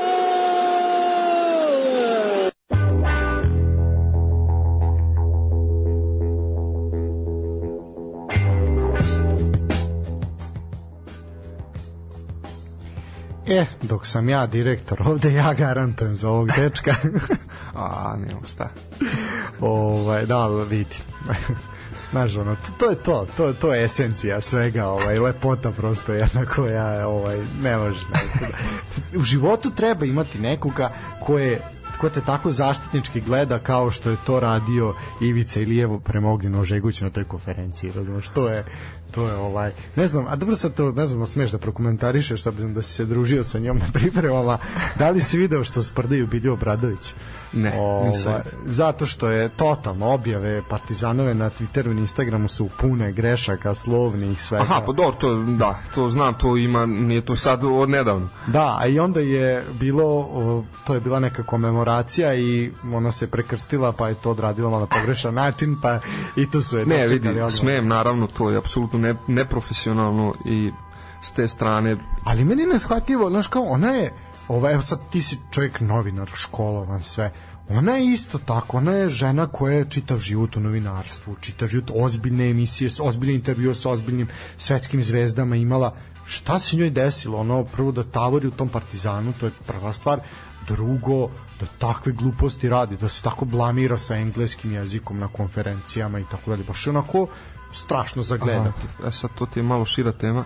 A prvo, prvo ono što ću reći, da, da ne ispadne da ja, zato što sam se zato što mi je učinila ovaj, uslugu što se tiče tih intervjua da ne sam da kažem na, na apsolutno neprofesionalno i nedopustivo to što ona radi to ne sme da radi PR Partizana mislim to je znaš, ne radi PR nijednog kluba ikada ne da. Da ali opet druga strana priče jedna poruka ja sam rešio intervju sa Kristijanom Belićem kad sam došao da radim intervju s njim uh, ona mislim na usluzi su mi bili i Ricardo i ja sam u prvi mah mislio da je to Diabate, ali u stvari je reč u stvari je to bio Patrik Andrade tako e, da... ali vidi, aj sad u tvoju odbranu u tvoju odbranu, oni liče je na drugog, da frizura je jedina razlika, ali po licu liče je na drugog, tako da nisi prvi čak striše koji se u mom e, prisustvu koji, koji se poremetio i zamenio ih je. Tako da Ali vidi, to je jedna stvar, ali drugo je kad ih zameniš u njihovom prisustvu. To je, vidi, to je mali problem. E, okej, okay, to, to je sad malo već problematično, ali dobro. Ovaj, bitno da si ti odradio intervju Jeste, je, ovaj... e sad da ti kažem, a, zašto, kako, Pa e, jednostavni odgovor, danas novinar može da bude svako. To to što, što se pokazuje u tom slučaju. Naravno, naravno. To što je neko novinar, to nije nikakva garancija kvaliteta. Uh, ne pričam sada o tome da o žutoj štampi. To znaš da je smeće, Ma to da. znaš da tamo rade ljudi kojima je samo kojima je samo novac bitan, naravno bit, bitne su i meni pare, ali ne samo pare. Uh, I sim, taj, ta neka priča, to je totalno, ali problem je, drugi problem je, najveći problem je u tome što ti u kvalitetnim medijima imaš novinare koji ne znaju neke osnove, eto, tako da, da završimo priču s tim. E sad, uh, idemo ovako odmah sad kad smo krenuli tu priču s Partizanom idemo na tu utakmicu u Kruševcu koja se odigrala uh, utakmica kasna sa početkom bilo je priče da li će se utakmica odlagati teren je bio jezivo loš uh, zaleđen poprilično uh, s obzirom koliko je hladno bilo i da je taj sneg vejao zaista i publike što se skupilo zaista svaka čast Ovaj, uh, I ono što je Gordon Petrić i najavio na konferenciji pre samog meča je rekao ne očekujte lep futbal, nećete ga dole, da, mislim redko u Kruševcu. To je ono što sam ti rekao na početku, uh, svi će gledati da izvuku živu glavu jedno, dva kola i onda posle možda se priča neko igri. Uh, ono što je pohvalno, što ja zaista moram da pohvalim, a to je da su cene karata, obično kada svi klubovi to rade, kada Zvezda i Partizan uh, gostuju, dolaze na njihov stadion, te cene karata se dupliraju, nekad budu i tri puta veće. A, zaista je pohvalno što su ljudi u Kruševcu to nisu uradili, nego su cene karata bile kakve su inače. 200 dinara je bio sever, 400 dinara je bio jug, a 600 dinara su bile bočne tribine što ja mislim da je više nego korektno. Respekt. Znači, zaista, ono, nekad se desi pa ono ti digne ti hiljadu dinara ono, od cenu karte, mislim, zaista ne vredi te novce, ali dobro, zaista svaka, svaka čast. Kažu da iste nisu dirali cene karte zadnjih 10 godina. Svaka čast. Uh, ono što je bilo zanimljivo, na primjer, ono, jako je hladno vreme bilo, Diabate se smrzavao čovjek, ono konstantno je duvao rukavice, a Ricardo je, na primjer, izašao kratkih rukava Mi to, no, to nismo navikli, ma daj da on već tu sad neko da. vreme možda se čovjek aklimatizovao. Pa Ricardo je, Ricardo je Srbin. Ja dolazim, ja kad sam pričao s njim, a brate, evo ćemo na srpskom. Ako možeš, ma kaže, ma zajebam te, bre, ne znam srpski. Znaš, i totalno, uh, i kad sam, a ono što mogu da izdvojim, ajde sad kada pričamo o Ricardu, ok, vidi, svako će ti iz Partizana reći mi idemo na titul, jer uh, niko ti neće reći ne mislim da je to realno ali e, stvar je kod njega što on je toliko što on stvarno misli da može da Partizan da, da, može da dođe, da, znaš. I da stvarno misli da ništa osim toga njega Partizan ne bi trebalo da zadovolji, što je u nekom smislu i, i razumljivo, ali u drugom smislu opet malo šira tema nije. Tako da, ali eto, da, jeste, on je, on je Srbin, to nema šta. naš je, to je Pa to. naš. Ovaj, e sad, što se tiče same utakmice, uh, napredak je bio dominantniji u prvom delu, uh, imao je dve dobre šanse, prvo je Sveta Marković onako odlično ovaj se odbranio svojim telom je odbranio gol Uh, napredak je bio mnogo, mnogo bolji u prvom poluvremenu, odnosno Partizan se nije video, bila je ta neka šansa Jovića iz daleka i imali su tu jednu akciju Diabate i Nathu kada je Nathu dao onako iz prve spoljnom prejako lopte, odnosno Diabate nije mogao da stigne. Uh, novi sponsor na dresovima Partizana, to je ova Jin Jin ili kako god se čitalo ova kineska kompanija a, moram da aj malo kada smo pre priču estetici. Prvo dresovi Partizana su ružni to je prva stvar. Ovi odvratni su znači jezivo je ružno. A, s druge strane nazad imaš sada prezime koje pošto se rukavi su beli i seku se u Sliva se, koso da. a, prezime se su ugurali između te, ta, ta dva bela polja rukava i sad kada piše diabate pošto je to dugačko onda su to jako skupili pa se ne vidi šta to piše na ćirilici što je kriminal sam po sebi. I onda ispod prezimena uh, imate Soccerbet reklamu, pa imate broj, pa imate tu Zinčin reklamu naranđastim ono ko, koja ne, totalno ne pripada tu, tako da je dres jezivo, katastrofalno ružan, to je sad ova kombinacija koju smo videli, sad vidjet ćemo kako izgleda ovaj domaći, kako će to izgledati, ovo je pošto je to, to sve, sve nabacano na njega. Uh, ono što ja moram da dva momenta kad sam se onako zastao, a to je za njih je za, zahvalan Ljubomir Fejsa, čovek koji promašuje loptu, on je toliko zamahnuo nogom, ona je, ona je to, totalno tocka kutala na drugu stranu. Pa je sigurno da je hteo da šutne. Hteo je da je na, bio je sa, sa gol linije, sa gol out linije hteo da je ovaj. Da nije bila varka hteo. Ovaj nije sigurno. Hteo da izbe da ne ode u korner, čovek vidi je promašio celu loptu, znači od nekadašnjeg reprezentativca, najtrofejnijeg igrača našeg. Šta se dešava, ja ne znam. A mislim i to isto opšte mesto i o tome se već pričalo dosta toga dok god polu, polu igrači menadžerski dolaze u bilo koje naše klubove nema tu kvaliteta mislim tako da to je jasno mislim napucao sopstvenog saigrača, no ludila vidi, znači baš onako jedan svaka čast polomaterski katastrofa. Polo vreme 0-0, najbolje ti koliko je napredak bio dominantniji, uh, to ti pokazuje da je napredak za 46 minuta izveo 9 kornera, Partizan 1. To je to. Pritom su korneri, centaršuti Bastajića, nekadašnjih igrača Vojvodine, su bili poprilično opasni. Naš običan korner kod nas ne znači mnogo jer ne dobace do prve stative. Ovo je bilo opasno, onako nekoliko nekoliko puta. E, ozbiljna šansa za napredak i na početku drugog poluvremena kada se Vujačić ukliznuo na onom jezivo lošem terenu, što zaista mu se ne može zameriti, ali je sjajni Filipović utrčao i vidi uklizao, onako bio je karate poteza, ali je čovjek očistio, zaista je tu spasio onako jednu po meni či, čist pogodak. Uh, treba spomenuti da je ovaj Estonac koji je došao iz uh, ovoga ni iz Levadije nego iz Flore i Stalina ovaj je debitovao taj Rosnup mada nismo ništa posebno videli od njega. Mislim čovjek jeste reprezentativac Estonije ali ništa. Jeste ali Estonija da. Ali Estonija da. E, na primjer jedan povratnik sa Malte Uroš Ljubomirac je ovaj koji je to vratio se u naš fudbal je imao onako dve dobre šanse. Ovaj baš je pokazao pokazao čak više nego nego Rosnup Uh, Andrade, na primjer, jednu šansu, eto njega se spomenuo, i Diabate postiže prvi gol u Superligi, eto, dao je pet komada u, u Evropi, a evo prvi pogodak u Superligi u 61. minutu.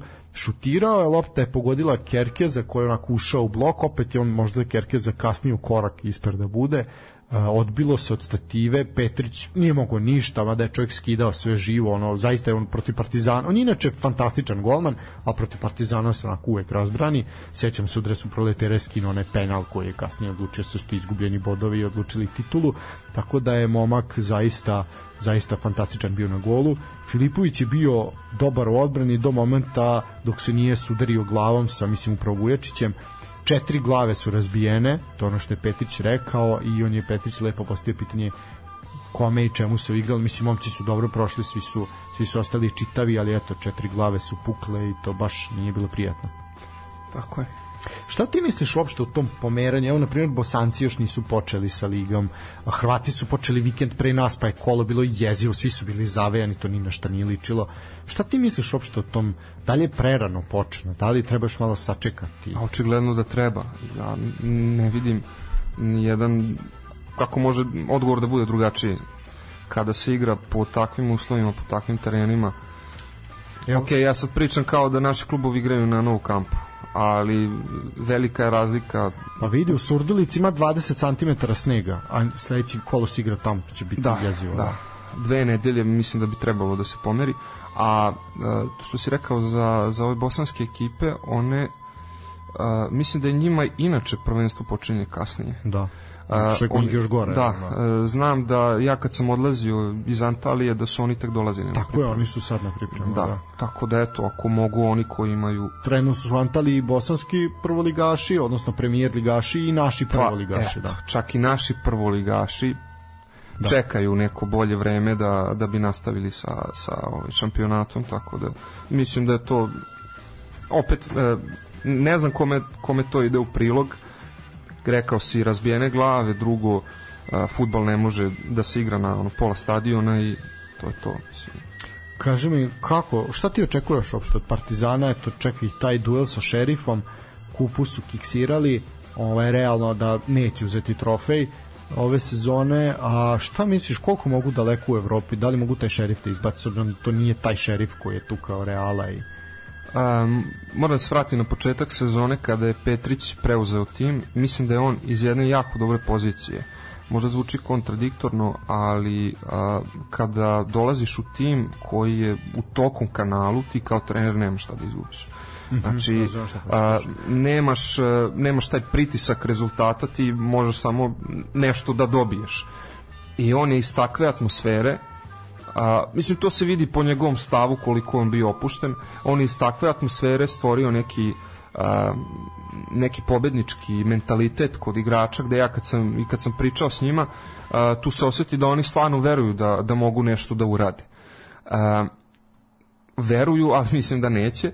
Um, pa da, mislim, Pa ne, pa jednostavno, naravno, ne treba se jednostavno ne, treba, ne treba se zavaravati koliko god je to sport, koliko god to i nije sport. A, pa da. E, mislim da ono što sam ja gledao Partizan da im i što sam video da ljudi a, spočitavaju to je da im nedostaje kreacije a, da je to dosta na mišiće onako da deluje. I onako to je meni koliko ja vidim glavni problem. E sad opet koliko, koliko sad uopšte navijači Partizana treba da budu nezadovoljni zbog e, takve situacije kada imate e, situaciju takva kakva je kada se mislim ja kad, kada bih sad rekao sve se sliva u Zvezdu a pet puta manje u Partizan šta onda da kažu ne znam a, ovi iz Kruševca i Ne, ne, slično to je ono mislim kukanje bez veze. Ali jednostavno je tako da u, trenutno u Superligi Srbije taj neki finansijski moment igra previše dominantnu ulogu i mislim da ne samo ove sezone, mislim da dugo godina tu neće moći ovaj, da se promene neke stvari.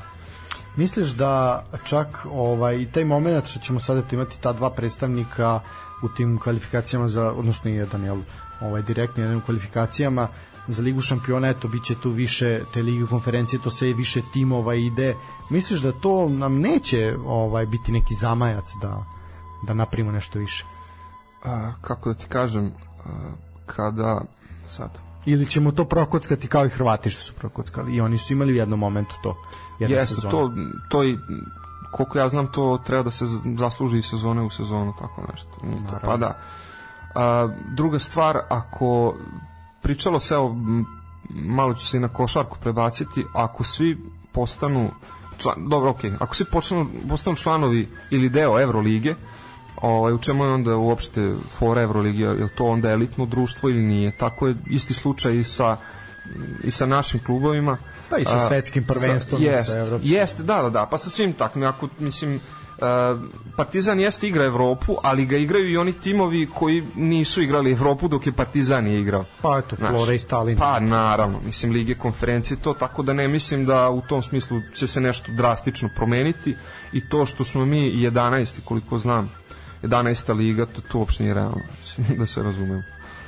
Pa, ali vidi sad, ok, a, ja mislim da nije realno, slažem se, a, ali daj nam daj nam belgijsku, na primjer, infrastrukturu ja verujem da bi to bila kvalitetnija liga. Naravno, Naša. naravno. Znači, nama samo zaista fale stadioni. E, pričao sam o, sa nekim momcima iz TSC-a igrali su, mislim da je Milan Radin i Nikola Kuveljić da su igrali u Poljskoj u Jesu. Češkoj, pardon Češkoj, Poljskoj U Poljskoj, bilo. Da, u ovoj igru u Krakovu, da.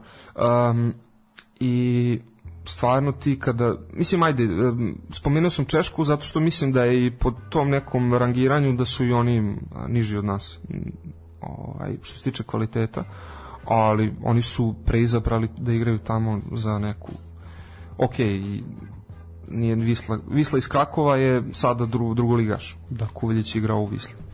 Tako da su oni preizabrali to nego ovde znaš, neki šesti, sedmi tim.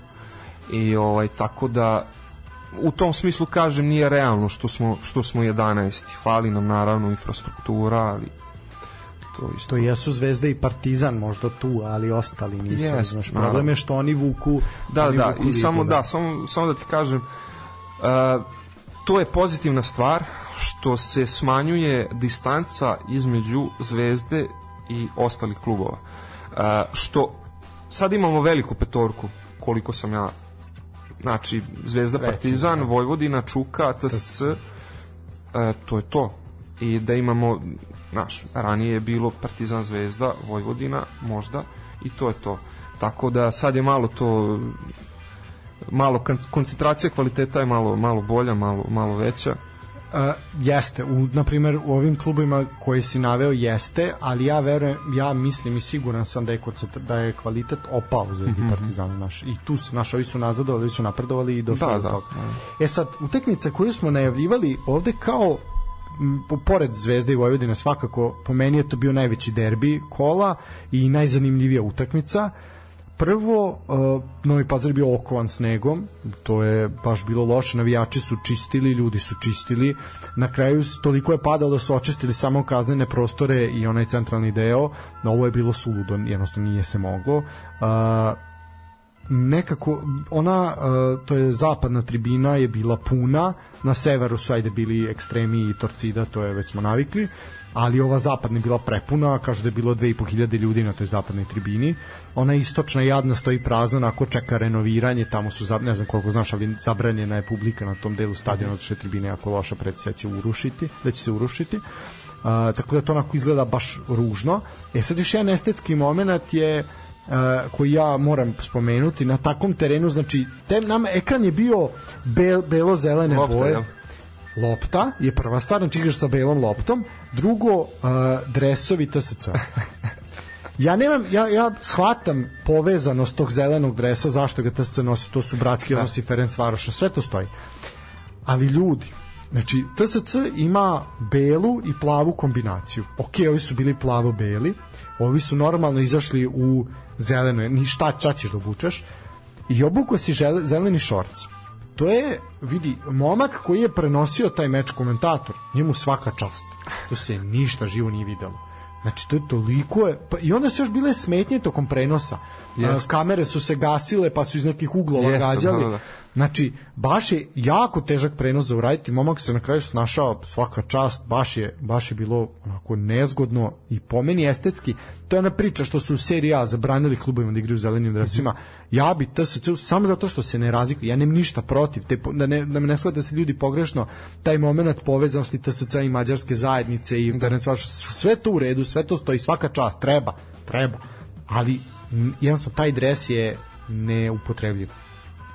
Ne znam šta ti kažem, meni, meni nije toliko smetalo, ali ono, ne volim te drečeve boje generalno ovako. Eto, da, to, to estetski sam je, ja- znaš, sam malo... ja razmišljao o tim dresovima, ne bili takvi. Pa eto, to je to. A, što se tiče same utakmice, ovaj Da li je ova utakmica po tebi opravdala neki derbi, da kažemo da je to- Jest, jest, Novi Pazar je odigrao vrhunski. A, bili su a, poredio bih tu utakmicu sa Spartakom i Čukaričkim gde je outsider na papiru bio bolji od, a, od mislim da su bili bolji od TSC a, iako je TSC bio bliži pobedi a, zato što su vodili do 80. minuta ali ovi su nekako bili konkretniji kao da su a, više znali šta hoće stvarno E, zato što TSC nije igrao svoju igru ono što sam gledao na pripremama to je i najviše sam impresioniran njima kažem ti gledao sam i Vošu gledao sam i, i Partizan e, takva organizacija e, prava sistem u pravom smislu te reči a, stvarno sve funkcioniše perfektno oni su šturm iz Graca drugu, drugu ekipu Austrije Austrije, da. oni su razvalili njih. E sad u tom smislu sam mm, očekivao da, da to se priprema prenesu i, i u Superligu, ali to nisu uradili. A, koji su razlozi, ne znam. Da li su jednostavno da li jednostavno Novi Pazar bio toliko toliko dominantan da nisu oni mogli da ih isprate, ne znam stvarno, ali nisu ni ličili na sebe. Da li je to bilo zbog vremenskih uslova, zbog čega je, ili su imali plan da budu nešto pasivniji pa da pobede 1-0, ne znam, ali to tak, takva partija meni nije ličila na TSC. Upravo si. Prvo poluvreme realno bačeno, prvo poluvreme nisu jako puno prekida u igri, nije, Da, da. nije imao taj jedan pokušaj bio Novog Pazara, ovaj Bojica Nikčević je mislim pokušao, to je sve što se što smo videli u prvom poluvremenu. E sad, uh, 52. minut i onako jedna situacija uh, kada je VAR reagovao, pao je igrač TSC u kaznenom, sudija je pokazao na penal, međutim onda se iz nekoliko uglova je VAR pogledao i zaista je uh, odmah na prvu na prvi usporen snimak na TV-u se videlo da tu nema govora o penalu, da je čovjek prvo sklonio loptu. Uh, e sad, uh, verovatno si, pošto si gledao utakmicu, primetio zapravo koliko taj sad naš VAR sistem ima nekih manjkavosti, a to je da uh, taj ugao kamere koji je prvi bio, vide se leđa, leđa igrača Novog pazara, ne vidi se kontakt. I onda tek iz nekog, pošto Uh, to sad ne znam koliko ljudi znaju, ti verovatno znaš, mi smo kupili najmanji taj VAR paket, znači to je sa najmanjim brojem kamere, jer realno toliko smo mogućnosti da Da, da. pokrijemo. I tu se sad pokazalo da na nekim stadionima nije ni radio, na nekim jednostavno položaj tribine je takav da kamere stoje iz čudnog ugla, pa taj offside ne izgleda kako treba i tako dalje i tako dalje. Ovde je dobra vara odluka donešena, dugo je to trajalo, to se mora priznati, ali na kraju je ispravna odluka donešena. Lazetić jeste bio besan posle, ali ja verujem da i čovjek kad je video snimak da ono se smirio, ali stao, imao je tu reakciju nakon ovaj kada je bio besan kao i ono sad više puta se i njemu to dešava lagano klizi Kalalatoviću ovaj da postane jedan takav nadam se Nije, nije mi se svidela, iako nisam stekao, prvi utisak o njemu mi nije bio takav. A, verujem da je on dobar trener i u razgovoru sa igračima ja im ne postavim pitanje, oni kažu da stvarno radi sa vrhunskim stručnjakom, što nije, da im sve nacrta, da je njihovo samo to da urade. Što nije slučaj sa ostalim, sa igračima ostalih ekipa sa kojima sam pričao, ali ta izjava njegova mi se nije svidela. ne bio je bio je besan bio je vidi se da je bio pod utiskom Jeste, da, jeste, ali mislim da je on već i, i u takvim godinama, ok, mislim, to je sport, to je takmičarski mentalitet, ko, ko može da zameri to, ne znam, on ne poznaje sport. Mislim, A, moramo pohvaliti samo u pravu Aha, Samo moram pohvaliti Aleksandra Stankovića, trenera Novog Pazara koji je odmah prišao u mix zoni i on je čovjek odmah spustio loptu. Znači, imali smo situaciju kad dođe drugi, pa onda još na penal još jače. Da, da. Ovaj, ovde je čovjek je spustio loptu mirnim tonom, sve, sve, sve i tu se naš malo, malo stišalo, ali definitivno je ono, Jeste, ali m, znaš, treba razumeti Lazetića. naravno, niko A, ne on je ja mislim da da su oni ušli sa e, skrivenim ambicijama da napadnu i drugo mesto. Iskreno da ti kažem i onda tako jedan hladan tuš na početku sezone, pogotovo a, do 80. minuta vodiš, takva je situacija, pa posle a, doživiš to da ti pozamljen igrač presudi to ćemo svakako i da. to je naš mnogo teško da se pojačan si sa Cvetinovićem koji je odličan sa Odmah je pokazao, odmah sa, je da, sa Radinom koji je isto vrhunski tako da nije bilo lako, razumem ga u tom smislu, ali daleko od toga da je ta odluka sudijska odlučivala o, o bilo čemu, jednostavno Pazar je bio bolji u tom kada je konkretno reč o toj utakmici zaslužuje da dođe do pobede. A, što se tiče prvi gol Saša Jovanovića, po meni prelepa akcija, znači štoper je, desni štoper je prelepa duga lopta, kakav beg Saša Jovanovića vidi, fantastično. Svaka čast Saši Jovanoviću, ali onakvu loptu da pošalješ. Treba, onakvu loptu ne može poslati svako. Uh, to je zaista fantastično. E sad, jedan jedan Bojica Nikčević, čovek lopta kroz 5 metara niko je živi nije dirao čovek sačekao na drugoj stativi pritom je Bojica Nikčić bio najagilniji u ekipi Pazara čovek imao najviše jeste najviše ali ajde u odbranu TSC jako dobar centar šut. No, apsolutno. Jako. I to momka Savršen. iz Kolubare koji je došao, koji je pojačao Novi Pazar. I onda Stanojlović, Slobodan Stanojlović za 2-1 i po meni je taj gol čista greška odbrane TSC lopta nakon onakvog centar šuta koji je bio pa prilično mlak i traljav Jeste. je prošla kroz kazneni prostor da i niko živi nije dirao, oni svi to stoje je- kao ukopani. Ovo je imao svo vreme Pa da, pa to je se školski namesti. primer greške u defanzivi, ne, nema šta. Čovjek se namestio, pogodio Da, eto, jednostavno poklopilo se tako da oni nisu gubili na gostovanjima jedna od najtvrđih ekipa, mislim druga Eto. odbrana lige. jedina ekipa koja je dva puta pobedila TSC Novi Pazar. Eto, da. I prvi poraz u gostima. A, u suštini, to je što se tiče Novog pazara i TSC. I ja bih sad za kraj ove poslednje utakmica, pa ćemo kratko proći kroz tabelu, uh, Mladost Gat Jabr. Ne znam koliko si isprtio. Rezultatski. E, vidi, to ti je, veruj mi, ovo je bila najlepša utakmica kola. I ja prvi sam se jako grešio prošloj emisiji, a slušaj nas ljudi iz Gata i to su naši drugari, a i u Javoru. Uh, ja sam se jako grešio, ja sam ovde prvo tipovo ono 0 do 2, da ovo ni rođena majka ovih što igraju neće ih zanimati, ali prvo moram da pohvalim Karadžođe, Karadžođe je bio najlepši teren ovog, ovog kola, Uh, lepo, mislim lepo vreme, po znacima navoda je bilo prijatno vreme za igru. Ovaj, i kakva utakmica Znači, zaista fantastična utakmica i osmeh na trenera, trenera Rada od Dodića kada je davo izjavu je rekao i uopšte i Trailović iz, iz Gata koji je pomoćni ovaj, trener i ljudi su rekli kakva utakmica. Nema šta, Gat je imao šanse, promašivali su sa 5 metara prazne golove, svašta su. Ponovo su vidi da su kao u prvom delu sezone kad su imali Andriju Radulovića, sad imaju ove Mituljikiće ovaj, i mlade igrače koji su zaista talentovani i treba da igraju. Meni se sviđa ovaj potez, ovo što Zvezda radi, da šalje na pozemicu igrače u našu ligu, da ti momci dobijaju, u Gatu će on imati prostor ili Tako u Surdulici ili da. tako, ovaj u Zvezdi Tavori. Nije mi jasna ta pozemica Partizana u onaj Aleksu Terzića u Tursku ili uh, Vanja Vlahović u Atalantu. Mislim jasno je da je to prodaja u pitanju, Naravno, to je naravno. pozajmica pa prodaja, ali opet eto to je to je na primjer šteta eto što jedan takav talent neće odigrati ni minuta.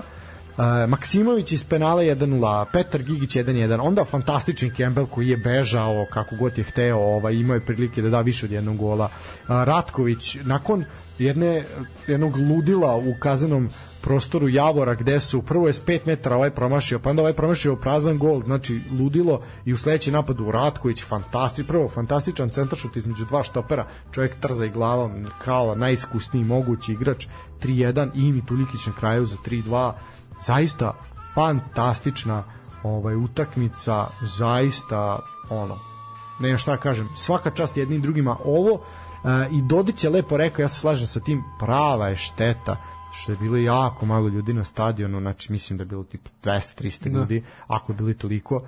Opet ajde nedelja veče sve to negde se i razume loše vreme ali ovo je zaista greota ovo je bilo gušt gledati. Zaista ja sam gledam gledam highlights koji su jako dobro napravljeni ajde by the way. To je highlights jedne onako čempionšipa recimo ili Liga 1 Championship, recimo Belgijska liga, Holandska liga, tako izgleda taj highlight, tako to izgleda, tako je, tako je to brzo, tako je to, znači nije to sa statično, nije nijedan igrač statičan u to highlightu, to je to. Čestitke, nema šta da kažem. Čestitke od mene. Da. Šta misliš, ali Gat može da ostane u ligi? A, može. Koliko ja znam, oni su sad po, pojačali dosta, tipa dole su 90 igrača. igrača. Da, da, da. Tako da je jasna namera.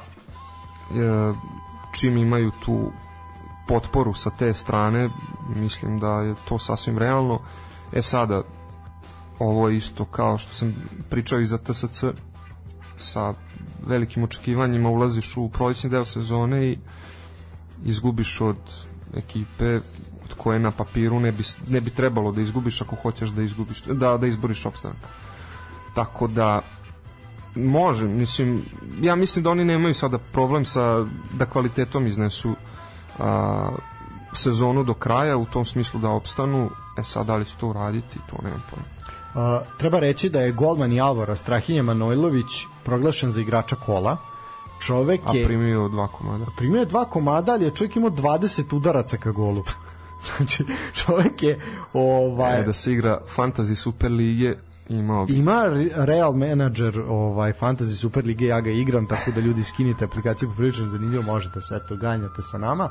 Ovaj 20 udaraca ka golu Javora a, šest, osam okvir gola, šest je čovjek odbranio, 18 centar šuteva je bilo pred gol Javora, znači zaista ovaj nema šta da kažem, svaka čast 20 20 godišnji Strahinja Manojlović prvi prva utakmica u dresu Javora zaista Bravo, Strahinjan samo ako nastavi Svaka i eto, ako budeš i u nastavku tako dobar, možda završiš na jednom od ova dva mesta, ko zna.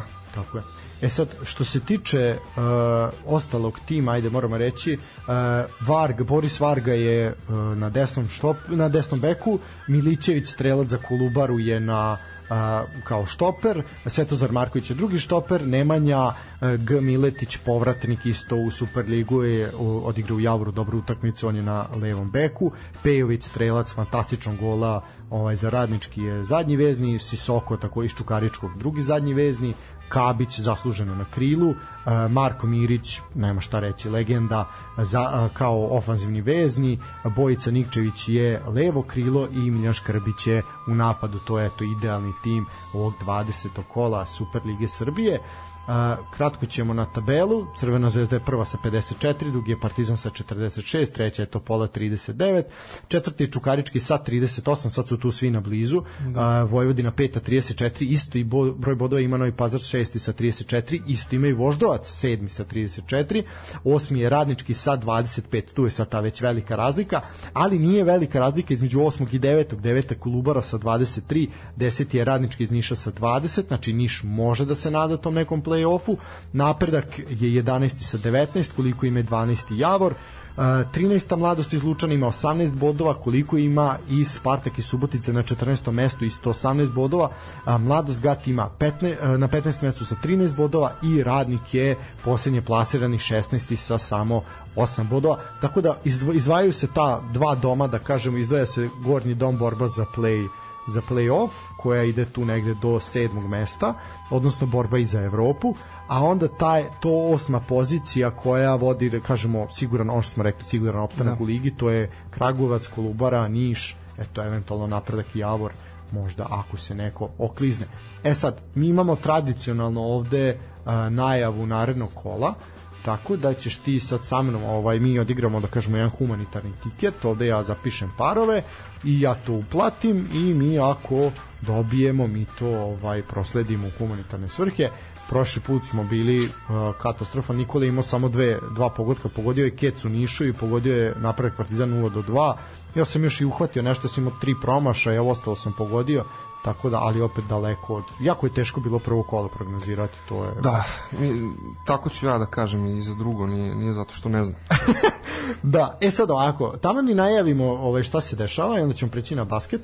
Uh, uh, utakmice 21. kola Superlige Srbije počinju uh, u petak 10. februara, a prva utakmica je u Surdulici, eto pod snegom, trenutno tamo je kažem preko 20 uh, cm snega, radnik iz Surdulice dočekuje mladost.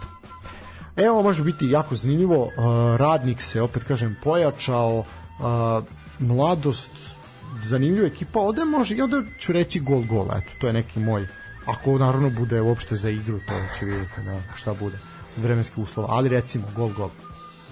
Dobro, slažem se. Oš prepisuješ, a? Pa prepisujem. Ajde, ovo prvo hoću. Ajde, prvo, dobro. To je petak 16 časova. Petak 18 časova je na Banovom brdu Čukarički i Radnički Kragujevac. Šta kažeš? X. Opa, zanimljivo. Ajde, ja ću reći da ovo Čuka dobija kec. A, to je što se tiče petka. Subota već od 14 časova počinje program i tu imamo dve utakmice u istom terminu. To se nije zaista dešavalo tokom prvog dela sezone. Vrlo redko smo imali utakmicu u istom vremenskom periodu. U 14 časova na krovu tržnog centra Voždovac Crvena zvezda. Ja, to je čista dvojka, bez ikakve dileme. Misliš da ne može mlada ekipa Voždovca ne. nešto? Da, znači ipak Milović. Ja ću reći, uh, ja ću reći ajde 3 plus, ovaj, pošto ti rekao dvojka da se ne prepisujemo. Uh, a druga utakmica od 14 časa u subotu je TSC u Bačkoj Topali protiv napretka. Tu mi je čist kec isto. Ne isto, nego isto čist. Ti ćeš reći kec, ja ću reći ja ću reći domaćin daje 2 ili više, znači domaćin 2 plus. Uh, od 16 časova, e ovo je utakmica koja je iz Novog Sada, moja topla preporuka da se ode da se pogleda. Vojvodina na Karadžođu dočekuju Kolubaru. Ovo će biti ozbiljna utakmica. Ako niste, uh, ovaj TSC napredak i ne toliko, ali Vojvodina Kolubara nešto što se zaista treba pogledati, jer verujem da će biti odličan, odličan futbal, a i želim da Vojvodina nastavi taj trend koji je uspostavila u prvom delu sezone, a da to ima ozbiljan prosek ovaj publike na stadionu, negde da. preko 4000 je bilo, tako da eto. Ja ću ja tu, biti sigurno da, tamo, eto. Ja tu očekujem znači. tvrdu utakmicu, iskreno. Dobro. I pa ne znam, ajde od 0 do 1. Uhuhu, ja ću reći ja ću reći da će uh -huh, aj reći ću ovako tačan rezultat 2-1 znači pa birajte uh, kažem 16 časova subota vidimo se na Karadžorđu zaista je nešto što nemojte propustiti eto verujte meni na reč ovo je utakmica koja će vas onako koja će vas obradovati. Od 18.30 Partizan Mlad Gat eto neću otići na Partizan otići ću na Karadžorđu mada će i obiti zanimljivo koliko Gatova deca mogu protiv Partizana A, Kec od 2 do 5 dobro dobro Kec je od 2 do 5. 3-2 za Partizan. Uh, u, misliš da će primiti dva gola? Zajebam. uh, pa ja ću ti reći ovde hm, ja verujem da će ovde biti a isto domaćin 2 plus ajde to ćemo staviti a, nedelja, u nedelju imamo dve utakmice od 14 časova Javor po isto jezivom trenutno Ivanjici isto ima metar snega a, Javor Spartak to će biti ako bude se igralo jeziv teren, jeziv teren. Tu baš svašta može biti. Ja ću staviti 0 do 2, mislim da će pa, biti... Isto, ajde, prepis, prepisujem. Mislim da uslovi neće biti nikako za igru. 16 časova nedelja završava se program duelom u Novom Pazaru i eto, a, prošli put kad je ovaj tim gostovao bilo je svega, letele su stolice sa tribina ka glavi Nenada Lalatovića. Verujem da ništa manje zabavno neće biti ni sad. Ovaj, s tim da čovjek ima crni karton ne znam da će moći uopšte da nastupi. Ovaj, ali da verujem da će ovo biti. Ovo će prštati, Novi Pazar radnički niš. Hm. pa 3 plus mislim. Uf, dobro ja ću reći Kecix. Mislim da bodovi ostaju ovaj, makar delimično u Novom pazaru. Eto, a, mi smo ovaj deo Superlige, naša dužnost je obavljena. E sad, a, što se tiče ovaj basketa, je ono čega si ti, ovaj, da kažem, čega kao se najavio te kao stručnjaka, a, ajde možemo prvo od Partizana. Partizan u četvrtak gostuje Bayernu iz Minhena. Mm -hmm. Partizan je vezao dobar niz rezultata Mislim da trenutno imaju kao najbolji niz ovaj u Euroligi, imaju podsjetim, imaju dva poraza i 8-2. 8-2, da, pravo si jeste 8-2. Ovaj dobili su i taj derbi protiv Crvene zvezde. Ovaj tako da kako kako tebi deluje sada Partizan ovaj kad se malo kad se malo sada deluje razigrao najbolje u sezoni, najbolje od kako je Obradović se ono klubu Partizana. To. Da li si ti verovao da može doći do tako, ono, s obzirom da su svi pljuvali, da su govorili Obradović nije više nica šta, ono. Ma naravno da sam verovao, nije, nije mi to bilo sporno.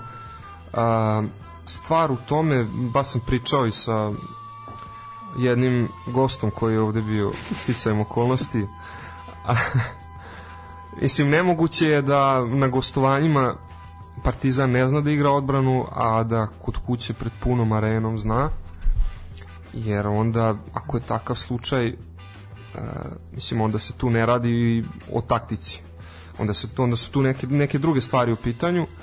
Sada malo ću uh, zaći u, u ovaj, možda neke detalje koje ne znam koliko će gledalcima biti zanimljivi, slušalcima biti zanimljivi, ali Partizan je imao problem u prvom delu sezone uh, kada govorimo o nekim rotacijama uh, o odbrani uh, nakon preuzimanja Lesora zato što Lesor ostane visoko, visoko na iskakanju i onda nema ko da skoči pod košem. Daleko od toga da je Partizan do kraja sada rešio te probleme, ali su sada oni svedeni na minimum zbog toga što jednostavno Partizan sada ima više energije, a kada imaš više energije imaš veću koncentraciju. Pričao sam sa nekim trenerima koji su KLS, nivo a da mi objasne e, zbog čega dolazi, mislim kako je moguće da je Partizanova odbrana baš toliko loša u, u nekim momentima i da ne mogu bukvalno da zagrade obruč a Partizan je u tim momentima igrao sa petorkom koja je na terenu provodila 35 plus minuta, zato što su bili osakaćeni povredama. On mi je rekao da to nije stvar taktike, da naravno Željko Bradović zna šta radi, već da je to stvar energije i koncentracije, da takve stvari, takve sitne stvari igrači najmanje vole da rade. I onda je potrebno da se uloži neki dodatni napor kako bi uh, kako bi se oni kako bi oni to i uradili što ne možeš baš ono kad igraš 35 minuta svako. Tako da kada su se te sve kockice poklopile a, došla je ta pobeda u derbiju koja je donela neku donala neku dodatno samopouzdanje za, za Partizan i na krilima tog samopouzdanja su oni pobedili i Žalgiris i onako sakatili Asvel u, areni E sada, pitanje je šta će biti protiv Bajerna, zato što je Bajerna izuzetno tvrda ekipa.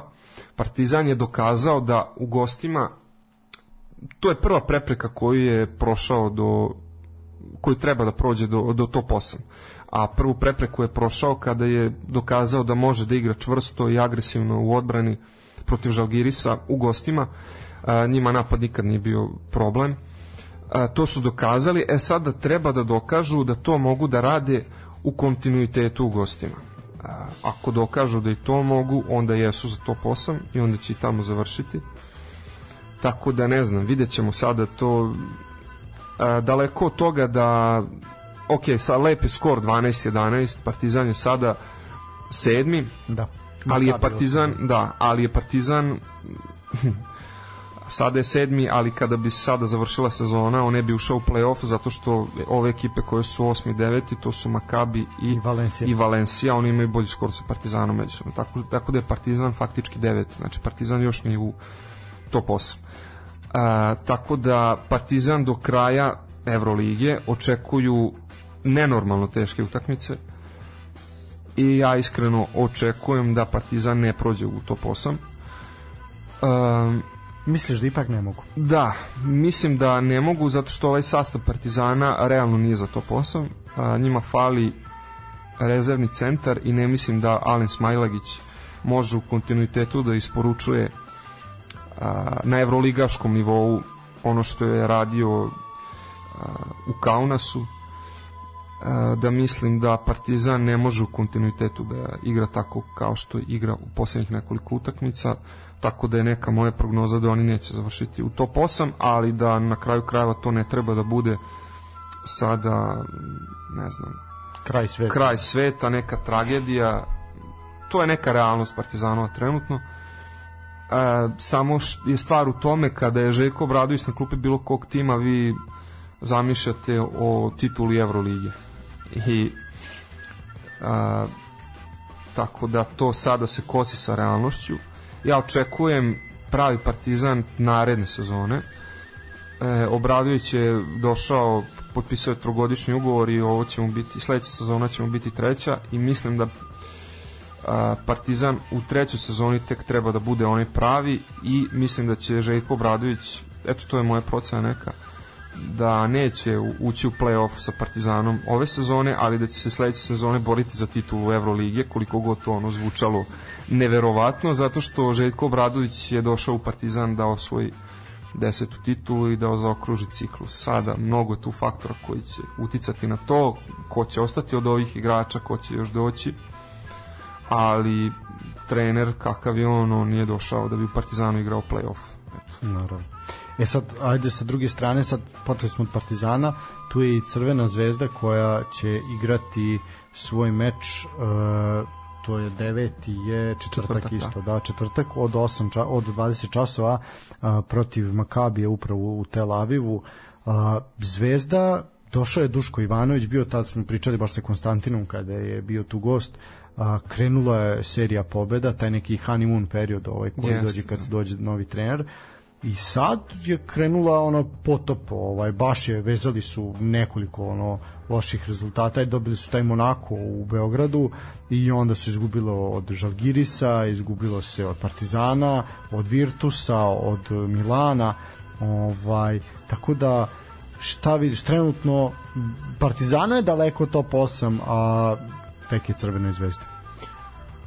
Da, ali Zvezda je eto, ostalo je koliko 11 kola do kraja, tako nešto, a Zvezda na, na dve pobede od top 8 sad. A, znači Zvezda ima 10 pobeda, Partizan koji je u, u 8 ima 12. Nije to baš toliko crna situacija, ali daleko od toga da je fantastična i da je, da je to sve bajno. Ja sam pričao uh, negde u nekim neformalnim razgovorima da uh, Zvezda je igrala iznad očekivanja. Nije realno dobiti Olimpijaku u Pireju. Nije realno imati takvu seriju pobjeda. On, oni su i bili bolji protiv Barse, pa su sudijskom greškom izgubili. To sve nije bilo realno. Kol, koliko to nije bilo realno, toliko nije bilo realno ni, ni ovaj, to što partije koje su pružali u poslednje vreme. Tako da očekujemo od Zvezde da se izdigne i da se do kraja bori za top 8 kvalitetom to mogu da da urade. E sada tu treba i neke druge kockice da se poklope da se savršena situacija za Zvezdu bi bila kada bi se kada bi se kampa, kada bi se Kampacu priključio a posle pobede nad Makabijem recimo. E sada Makabi je najteže jedno od najtežih gostovanja u ligi i to je Zvezda bi potencijalno tim porazom išla na 10-14, što bi onako bilo malo nezgodno.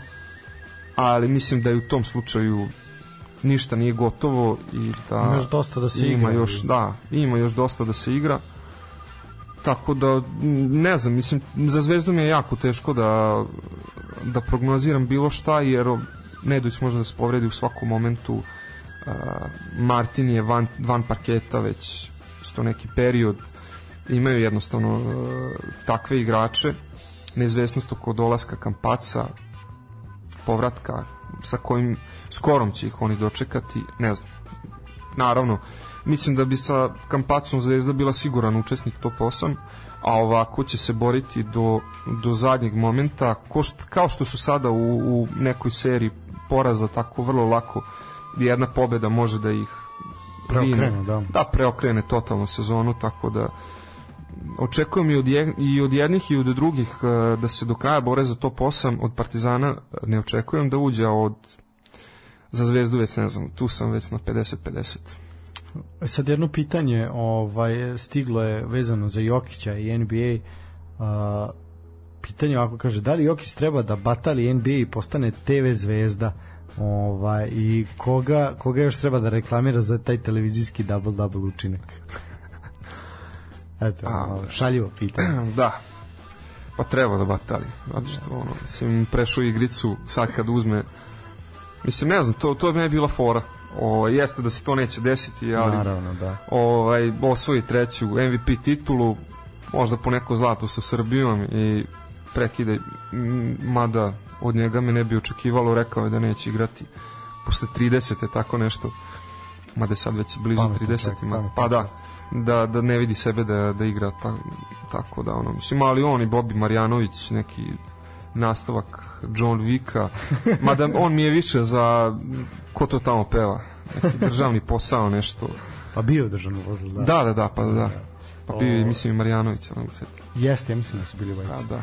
Ovaj, e sad ajde za kraj. Uh, pojavila se sad ti kao neko ko je u novinari, ko je u tim vodama i uh, bavi se tim poslom, pojavila se priča, odnosno prvi korak ka tom nečemu što se javnost naša sportska i ne toliko sportska, a više ta nesportska ovaj, raduje i čemu se nada, a to je Nemanja Vidić kao predsjednik Futbolskog saveza Srbije. Uh, on je kao kandidat jedinstva iz Zuba došao, znači taj region ga je sada ovaj a, predložio i biće kandidat.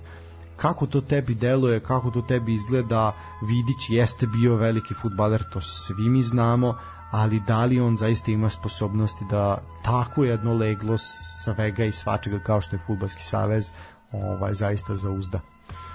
Mislim, ako Vidić nema, da nema niko. Da on ima najveći ugled od svih srpskih futbalera u svetu, to mislim čak i ubedljivo, najbolji štoper ikada premijer lige. Uh, I mnogo je, čitao sam neki njegov intervju na, na atletiku, oni koji ne prate, preporučuju bi im to je ozbiljan, ozbiljan, da. ozbiljan medij i dolar mesečno, toliko može da se izdvoji stvarno uh, u kakoj god da ste situaciji. Uh, on zna futbal, uh, završio je i trenerske kurseve, trenerske škole. Jeste, trenersku školu pa se Jest, sve završio. Jest, jest. Školao se i u inostranstvu, ja mislim. Tako da on svojim ugledom i svojim znanjem mislim da mislim da je pravi čovjek za to, ali mislim ugled Ali i znanje to je jedna stvar, E. a druga stvar je ono što on ima a nije ni glava, nije ni srce verovatno, ovaj to je neka to je neka da treća stvar.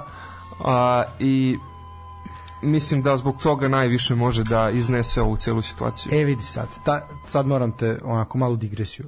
To je isto bila priča za Pixija. Pa isto tako došao Pixi pa više su mu radili iza leđa. Znaš, Um, prvo ja ne mislim da je ja mislim da su Pixija doveli ti koji, koji je vidiš hoće da skloni, iskreno da ti kažem. A, mislim da Pixi ni od čega ne odudara od dosadašnjih selektora, sem u tom smislu što je igračka legenda i što svojim imenom a, može da stane iza svakog igrača i što može da nametne autoritet svojim imenom što nije mogao Mladen dobro, ovo je, Krstajić. ovo je zanimljivo. Okay. Da, što nije mogao Mladen Krstajić, što nije mogao Pižon, koliko god Pižon bio igrač Pa i Muslim. legenda i pa pa. i Muslim, da. Muslin je ne znam, mislim da je tu um, Muslin neka, nekako veća opozicija nego što je to Pixi a, u, u futbolskom savezu.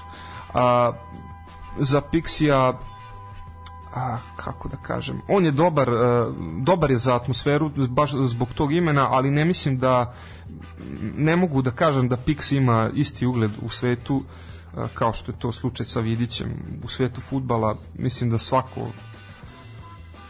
mislim svako, okay, ne, ne zna svako na plan, planeti Zemlji ko je, ko je Vidić, ali mislim da će znam bolje da znati ko je Vidić nego, nego ko ko je Pixi, mislim da Vidić zna više futbala nego što je to, nego što je to Pixi, mislim da uh, bolje zna kako stvari funkcionišu. Iskreno, mislim da je Pixi više konformista u odnosu na, na Vidića. Eto. Dobro, ovo je zanimljivo, pazi, zanimljiv stav. Mene, e, to ja čak delimično mogu da se ovaj poklopim sa tim stavom što si ti rekao. Mene samo za, sve to nije sporno, znači, znači da niko ne spori njegovo fudbalsko znanje, ali mene zanima kakav će on biti menadžer. Znači to je prvo fudbalski savez je jedna ozbiljna organizacija, jedna od Pa prvo- dobro sad. Ne, ne, ozbiljna organizacija u smislu da. dimenzija, dimenzija Naravno, naravno. kase, to je ozbiljna priča. A i samim tim, e, pritom, e, Savez trenutno nema udare iznutra, znači nije trulo trenutno iznutra, nego on prima udare s polja, prima udare od Zvezdana Terzića, jel? Ovaj, koji sad tu pravi, pravi haos. Da li će Vidić moći da zauzda Terzića? Ja mislim da taj Terzić ne preza ni od koga. Znači neće on prezati ni od, ni od Vidića. Taj prvo to je čovek koji je poznat po svojim ovaj diplomama. Ovaj da naravno. Ovaj i po mislim čovjek bio li, lice sa poternice ovaj Interpola ja mislim prvo belosvetski kriminalac. Ja mislim da to on neće neće tu niko ovaj prezati ni čega. Njega briga, hoće doći Vidić, će doći Platini da bude predsjednik saveza, znači to mislim da njih To sve stoji, a ko što ti to znaš, mislim da i Vidić to zna. I da je on jako dobro spreman na, na sve na to, te da. stvari. Ne vidim da za, biće mi zanimljiva reakcija Vidića kad mu Terzić prebaci nešto. A ako, biće ako, sigurno. Jedva čekam to da vidim, iskreno. I ako bi se desilo da se sretnu oči u oči. E, to bih isto voleo da vidim. A kako ti deluje sad ta ide ta priča kad smo išli Terzića, ta priča, taj revival Ofka Beograda, ovaj što je ubacio svog sina koji je to by the way dobio otkaz u fudbalskom savezu, a to ljudi znaju, pa je prebačen prebačen ovaj u sad u Ofka Beograd i tamo i Stefan Babović i tako dalje. Čovek koji je uništio klub se sad vraća kao veliki spasilac. Sve si rekao. E, nisam ljubitelj uopšte takvih stvari. A to je ono, kada ti neki klub shvataš kao igračku, da. kao nešto privatno, da možeš, da, pa da, da možeš da se igraš tako sa, sa tim kako god hoćeš. Mislim, ne, ne znam, nemam nikako pozitivno mišljenje o tome. A, tako da tu, tu, mislim, tu bih se zaustavio ne zato što ja nešto ne, ne znam, ne znam da kažem, nego mislim da nije vredno pomena dalje pričati o, o, o FK Beograd naravno zna se šta je on predstavljao u, u i u bivšoj državi pogotovo, a u a i u sadašnjoj, ovaj, trenutnoj, pre nekih deseta godina, 15, dok nije upao u onu, u onu krizu. Tako da, eto, ja mogu samo sa žaljenjem da, da kažem da ono da je srpski futbol pun pun ološa i da sa vrlo nekom pozitivnošću dočekujem dolazak Vidića na, na, na čelo futbalskog saveza i u tom slučaju bih ono čak ja pomno pomnije pratio futbal. Na što je uh, dobro, verujem da će taj, e vidiš, to što ti, to što ti trenutno osjećaš, taj nalet nekog uh, tačnije osetit ćeš taj, taj nalet nekog entuzijazma i te neke pozitivne energije to je ono što mene kao malo starijeg od tebe plaši jer ja znam da kad se naduva tako balen, balon euforije, uh, on kad pukne onda je jako gadno. Znači, mi ako potrošimo, a mi smo kao narod ne spremni za to, nego vidi, mi smo ono diplomirali te stvari, mi ako potrošimo Nemanju Vidića kao legendu, to je gotovo. Znaš. Naravno, ja ti, ja sam apsolutno, apsolutno sam saglasan sa tobom i znam upr to, to sam ti rekao iza Pixija to isti takav je bio nalet euforije sada a, mi mislim da kvalitetom futbala nismo otišli na svetsko prvenstvo nego sticajem okolnosti ali dobro kažem ti to, to je druga priča i baš takav nalet uh, takav nalet euforije taj balon što se probušio posle svetskog prvenstva kad su kad je pljuvan Pixi nisam za to kažem ti treba da ostane još.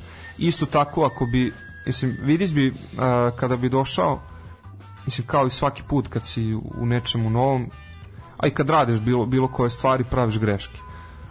A, mladog igrača svaku, u svakom sportu treba istrpeti tako ne kažem od toga da, da će Vidić biti bezgrešan ali kažem da ako se on istrpi da on može da uradi ovde ne velike stvari, velike stvari ovde ne može niko da uradi, ali da bar optimizam. Da, da, da. Ali da, da nas da nas ne ukanali dodatno i da vrati tu, tu neku pozitivnu energiju u srpski futbal koja je koja je počela, taj talas je počeo eto, dolaskom Pixija, pa nek se završi sa nek se nastavi sa, sa dolaskom Vidića. Poenta priče je da ono što sam ti ja rekao, razgrni blato, ima tu nečega dobrog i to je negde i poenta. A ima i mnogo blata. Ima i mnogo blata. Vidi, ima i onog drugog što je Brauna nije blato. Ovaj ima. Jednostavno je tako. Tu smo gde smo, ali zato je poenta i to je poenta ovog ovog podcasta je zašto zašto mi ovo radimo? I mislim ja ja i Nikola i svi koji su ovde učestvuju u ovome svemu ovaj to je poenta. Poenta je da uh, ostane negde taj zapis taj audio zapis da je nešto postojalo, da nije toko bio kanal, jer za dve, tri, četiri godine ljudi će to zaboraviti. Ljudi će zaboraviti da je Novi Pazar imao fantastičnu sezonu, da je TSC imao fantastičnu sezonu, to će se zaboraviti. Pa da. Ali zato ovakve stvari su potrebne i e, zato na primer i pa i to što radiš u dnevniku gde kada se pišu takve neke stvari, ovaj te analize utakmica, kada se piše pohvalno ili ne pohvalno nečemu, ali se piše bez te primese te žute štampe, onda, znaš, to je nešto što ostaje u nekoj arhivi i danas sutra će neki klinac doći i pročitaće to ili će poslušati emisiju i onda će reći, e, pa nešto je tu bilo, nešto je tu ipak ipak valjalo, možda će se zainteresovati ne možda, nego sigurno jeste, to imamo i, i dokaze za to. Tako da, znaš, moramo, moramo gledati malo u svoje dvorište, ima tu jako puno posla od marketinga, od društvenih mreža, od ma svega, znači od pre od aranžmana utakmica, od termina, od prenosa, ma svega, znači to ima toliko stvari da se radi, ali napredu, eto, mi trajemo koliko godinu i nešto danas, 117 epizoda, pa vidi, za naših 117 epizoda Voždovac i Javor više nisu jedini klubovi sa Twitter nalozima sad ih imaju svi. Da, da. I Instagramom. I dobri su, na primer, sad i radnički iz Kragovca i Novi Pazar i TSC imaju fantastične momente na Instagramu i na to, to nam treba, razumeš, treba da se ljudi, se ljudi zainteresuju. Tako da, eto.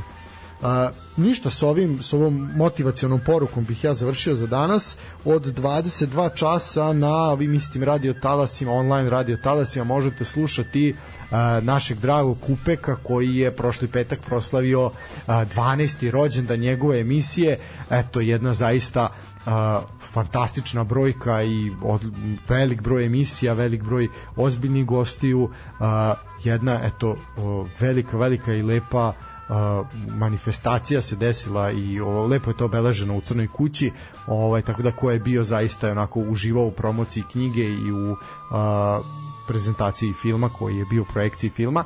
Tako da eto slušajte Kupe kao 22 dragi Dejane mi ti isto čestitamo iz sportskog pozdrava još jedan put ovaj tvoj lepi jubilej. A inače emisija koja se bavi kulturom. Svak čas brate. Da, kulturom i književnostu i čovjek eto izdržao 12 godina ovaj zaista zaista 12 godina izdržu u književnosti svak svak ne šta to je to brate zamisli nas posle 12 godina ovaj priča o Superligi beneficirani radni staž hoću. A, ništa ljudi, uživajte, vidimo se na Karadžođu, ko bude na Karadžođu, ovaj družit, družit ćemo se tamo zajedno. Ovaj, a eto, za one prave fanatike E, pratit ćemo NFL, ovaj Super Bowl će biti veče između nedelje i ponedeljka 12. na 13. tako da 13. će biti jedan dug dan za nas koji budemo gledali. Inače ne gledam ovaj NFL samo Super Bowl pogledam. Ma ja ništa. Ništa, ne mogu. Dobro. Ljudi, to je to. Vuče, još jedan put naklon do poda, hvala ti što si bio, hvala ti što si sa mnom pretrčavao ove teme. Hvala tebi za što sam zakasnio. Ne, apsolutno sve, hvala ti što si bio i svakako je bilo mnogo zabavnije nego da sam bio sam ovaj kaže nije problem piti, problem je kad piješ sam. Tako da ne bih se složio, ali dobro. Sve to je to. Ovaj, hvala ti. Uh, vrata našeg studija su ti uvek otvorena, mi ćemo te zvati u goste. A, pa zato sam ja i došao. Da, to, A, to sam hteo da čujem. Da, ovaj, tako da, hvala ti. Bio si bolji nego Konstantin, eto, to će se... A, pa to zato sam im do to, to, to, to, to, to je to. Sad mogu da umrem. Samo da je bolji nego Kole. Uh, Kole, brate, pozdrav. Ovaj, tebi ću posle ja pisati, nemojte sad pusti. Ovo zove se samo zato što tu. Uh, hvala ljudi na slušanju, hvala na porukama koje su stigle, dobili smo pohvale, ovaj, tako da je to jako e, lepo. Uh, ono što sam rekao na početku, da Nikola ne bi morao da ide da radi selitbe po nekom uveče, nego da može da dođe na, ovaj, na podcast, Patreon i PayPal uh, dinarski račun u Erste banci, malo neki dinar ovaj nam prosledite. Ovaj tako da to je to. Čujemo se naredni ponedeljak od 19 časova. Ljudi uživajte sutra večeras od 22 kupek sutra od se od 7 ujutru će biti tu Daško i Mlađa. Ljudi, to je to. Uživajte. Laku noć. Pozdrav, uživajte.